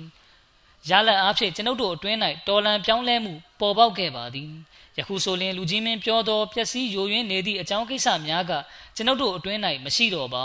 တို့ဖြစ်ရာယခုကျွန်ုပ်တို့ကမိတို့သောမလုံးပေးမှုကိုမျှစိတ်မဝင်စားပါမမောမီလည်းမဟုတ်ပါကျွန်ုပ်တို့နှင့်လူကြီးမင်းတို့အကြားတွင်စစ်ပွဲကစတင်ခဲ့ပြီးဖြစ်ပါသည်ယခုရင်း၏အဆုံးဖြတ်ကိုစစ်မြေပြင်မှာဆုံးဖြတ်ကြပါမည်လော်ကီရေးဆိုင်ရာမလုံးပေးဆွဲဆောင်မှုများကကျွန်ုပ်တို့၏ရည်မှန်းချက်ကိုရပ်တန့်နိုင်မည်မဟုတ်ပါ တာဝကတော်ကြီးပြောသောစကားများကိုဘာသာပြန်သူမှတဆင့်အီရန်ဘရင်ယက်ဇဒီဂရစ်ကကြားသိသောအခါအလွန်အမင်းဒေါသထွက်လေသည်ထို့ကြောင့်အီရန်ဘရင်ကမိမိမူးမတ်တဦးအားမြေကြီးအပြည့်ထည့်ထားသောတောင်းတတောင်းကိုယူလာခိုင်းသည်မြေကြီးတောင်းကိုယူလာပြီးနောက်ဘရင်ကအစ္စလမ်တန်ကိုစလဲအဖွဲ့၏ခေါင်းဆောင်နိုမန်တခင်ကိုရှေ့သို့လာရန်ပြော၏ထိုတာဝကတော်ကြီးကရှေ့သို့တိုးလာသောအခါခေါင်းငုတ်ခိုင်းပြီးမြေကြီးတောင်းကိုခေါင်းပေါ်တင်ပေးလျက် ဒါကအတင်တို့လိုချင်တဲ့ငါတို့ရဲ့မြေကြီးပဲအတင်တို့ကိုများစွာသောအရာတွေကိုငါပေးခဲ့ပြီဒါပေမဲ့အတင်တို့ကလက်မခံခဲ့ကြပါဒါကြောင့်အခုတော့အတင်တို့လိုချင်တဲ့မြေကြီးတောင်းမှအပအခြားဘာမှငါတို့စီမှာမရနိုင်ဟုဆို၏တာဝကတော်ကြီးကရိုသေစွာဖြင့်တောင်းကိုခေါင်းပေါ်တင်လျက်နောက်သို့ဆို၏ထို့နောက်အလင်းမြန်ပင်နန်းတော်ပြင်ပသို့ရောက်အောင်ခုံလွှား၍သွား၏ပြီးနောက်တွင်မိမိအပေါင်းဖော်များအားငါတို့ကိုအီရန်ပြည်ရှင်ကိုယ်တိုင်က သူ့နိုင်ငံကိုအပ်လိုက်ပြီးဟုအော်ဟစ်ကပြောဆိုလိုက်သည်ထို့သို့ပြောဆိုပြီးနောက်မြင်းပေါ်ခုန်တက်ကနန်းတော်ထဲမှအမြန်ထွက်ခွာသွားလေသည်အီရန်ဘုရင်ကတာဝကတော်ကြီးအော်ဟစ်ပြောဆိုလိုက်သောစကားများကိုကြားသောအခါဒေါသကြောင့်တဆက်ဆက်တုန်သွားပြီးမိမိမူးမတ်များကိုသူတို့နောက်လိုက်ပြီးမြေကြီးတောင်းကိုပြန်ယူလာခဲ့ဟုအမိန်ပေးလေ၏မိမိကိုယ်တိုင်ကမိမိပိုင်နိုင်ငံမြေကြီးကိုသူတို့လက်ထဲအနှင်းခဲ့မိပြီးဆိုသည့်အတွေးကဘယင်ကိုပို၍ဒေါသထွက်စေခဲ့လေသည် သို့သောထိုချိန်တွင်မွတ်စလင်တန်ကိုယ်စလဲအဖွဲ့မှမြင်းစီးပြီးအတော်ဝိုးဝေးသို့ပင် ရောက်ရှိသွားခဲ့ပြီးဖြစ်ရာ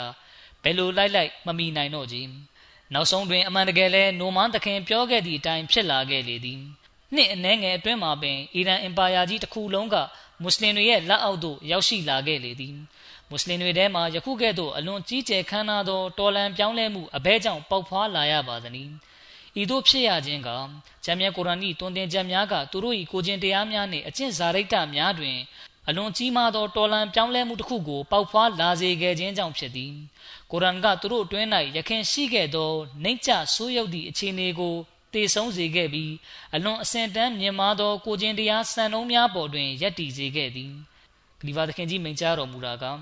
ဒီတော့ဂျမ်းမြတ်ကုရ်အာန်ရဲ့တွင်တင်ချက်တွေအတိုင်းလက်တွေ့လိုက်နာကျင့်သုံးတဲ့အခါမှသာကဘာပေါ်မှာစစ်မှန်တဲ့တော်လန်ပြောင်းလဲမှုပေါက်ဖွာလာနိုင်ပါတယ်။အိုမာတခင်ရဲ့အကြောင်းကမပြီးသေးပါဘူး။နောက်ခါမှာဆက်လက်တင်ပြပါမယ်။ Alhamdulillah Alhamdulillah nahmaduhu wa nasta'inuhu wa nastaghfiruhu wa nu'minu bihi wa natawakkalu alayhi ونعوذ بالله من شرور أنفسنا ومن سيئات أعمالنا. من يهده الله فلا مضل له ومن يضلله فلا هادي له. ونشهد أن لا إله إلا الله ونشهد أن محمدا عبده ورسوله. عباد الله رحمكم الله. إن الله يأمر بالعدل واللسان وإيتاء ذي القربى وينهى عن الفحشاء والمنكر والبغي يعظكم لعلكم تذكرون. اذكروا الله يذكركم وذوه يستجب لكم ولذكر الله أكبر.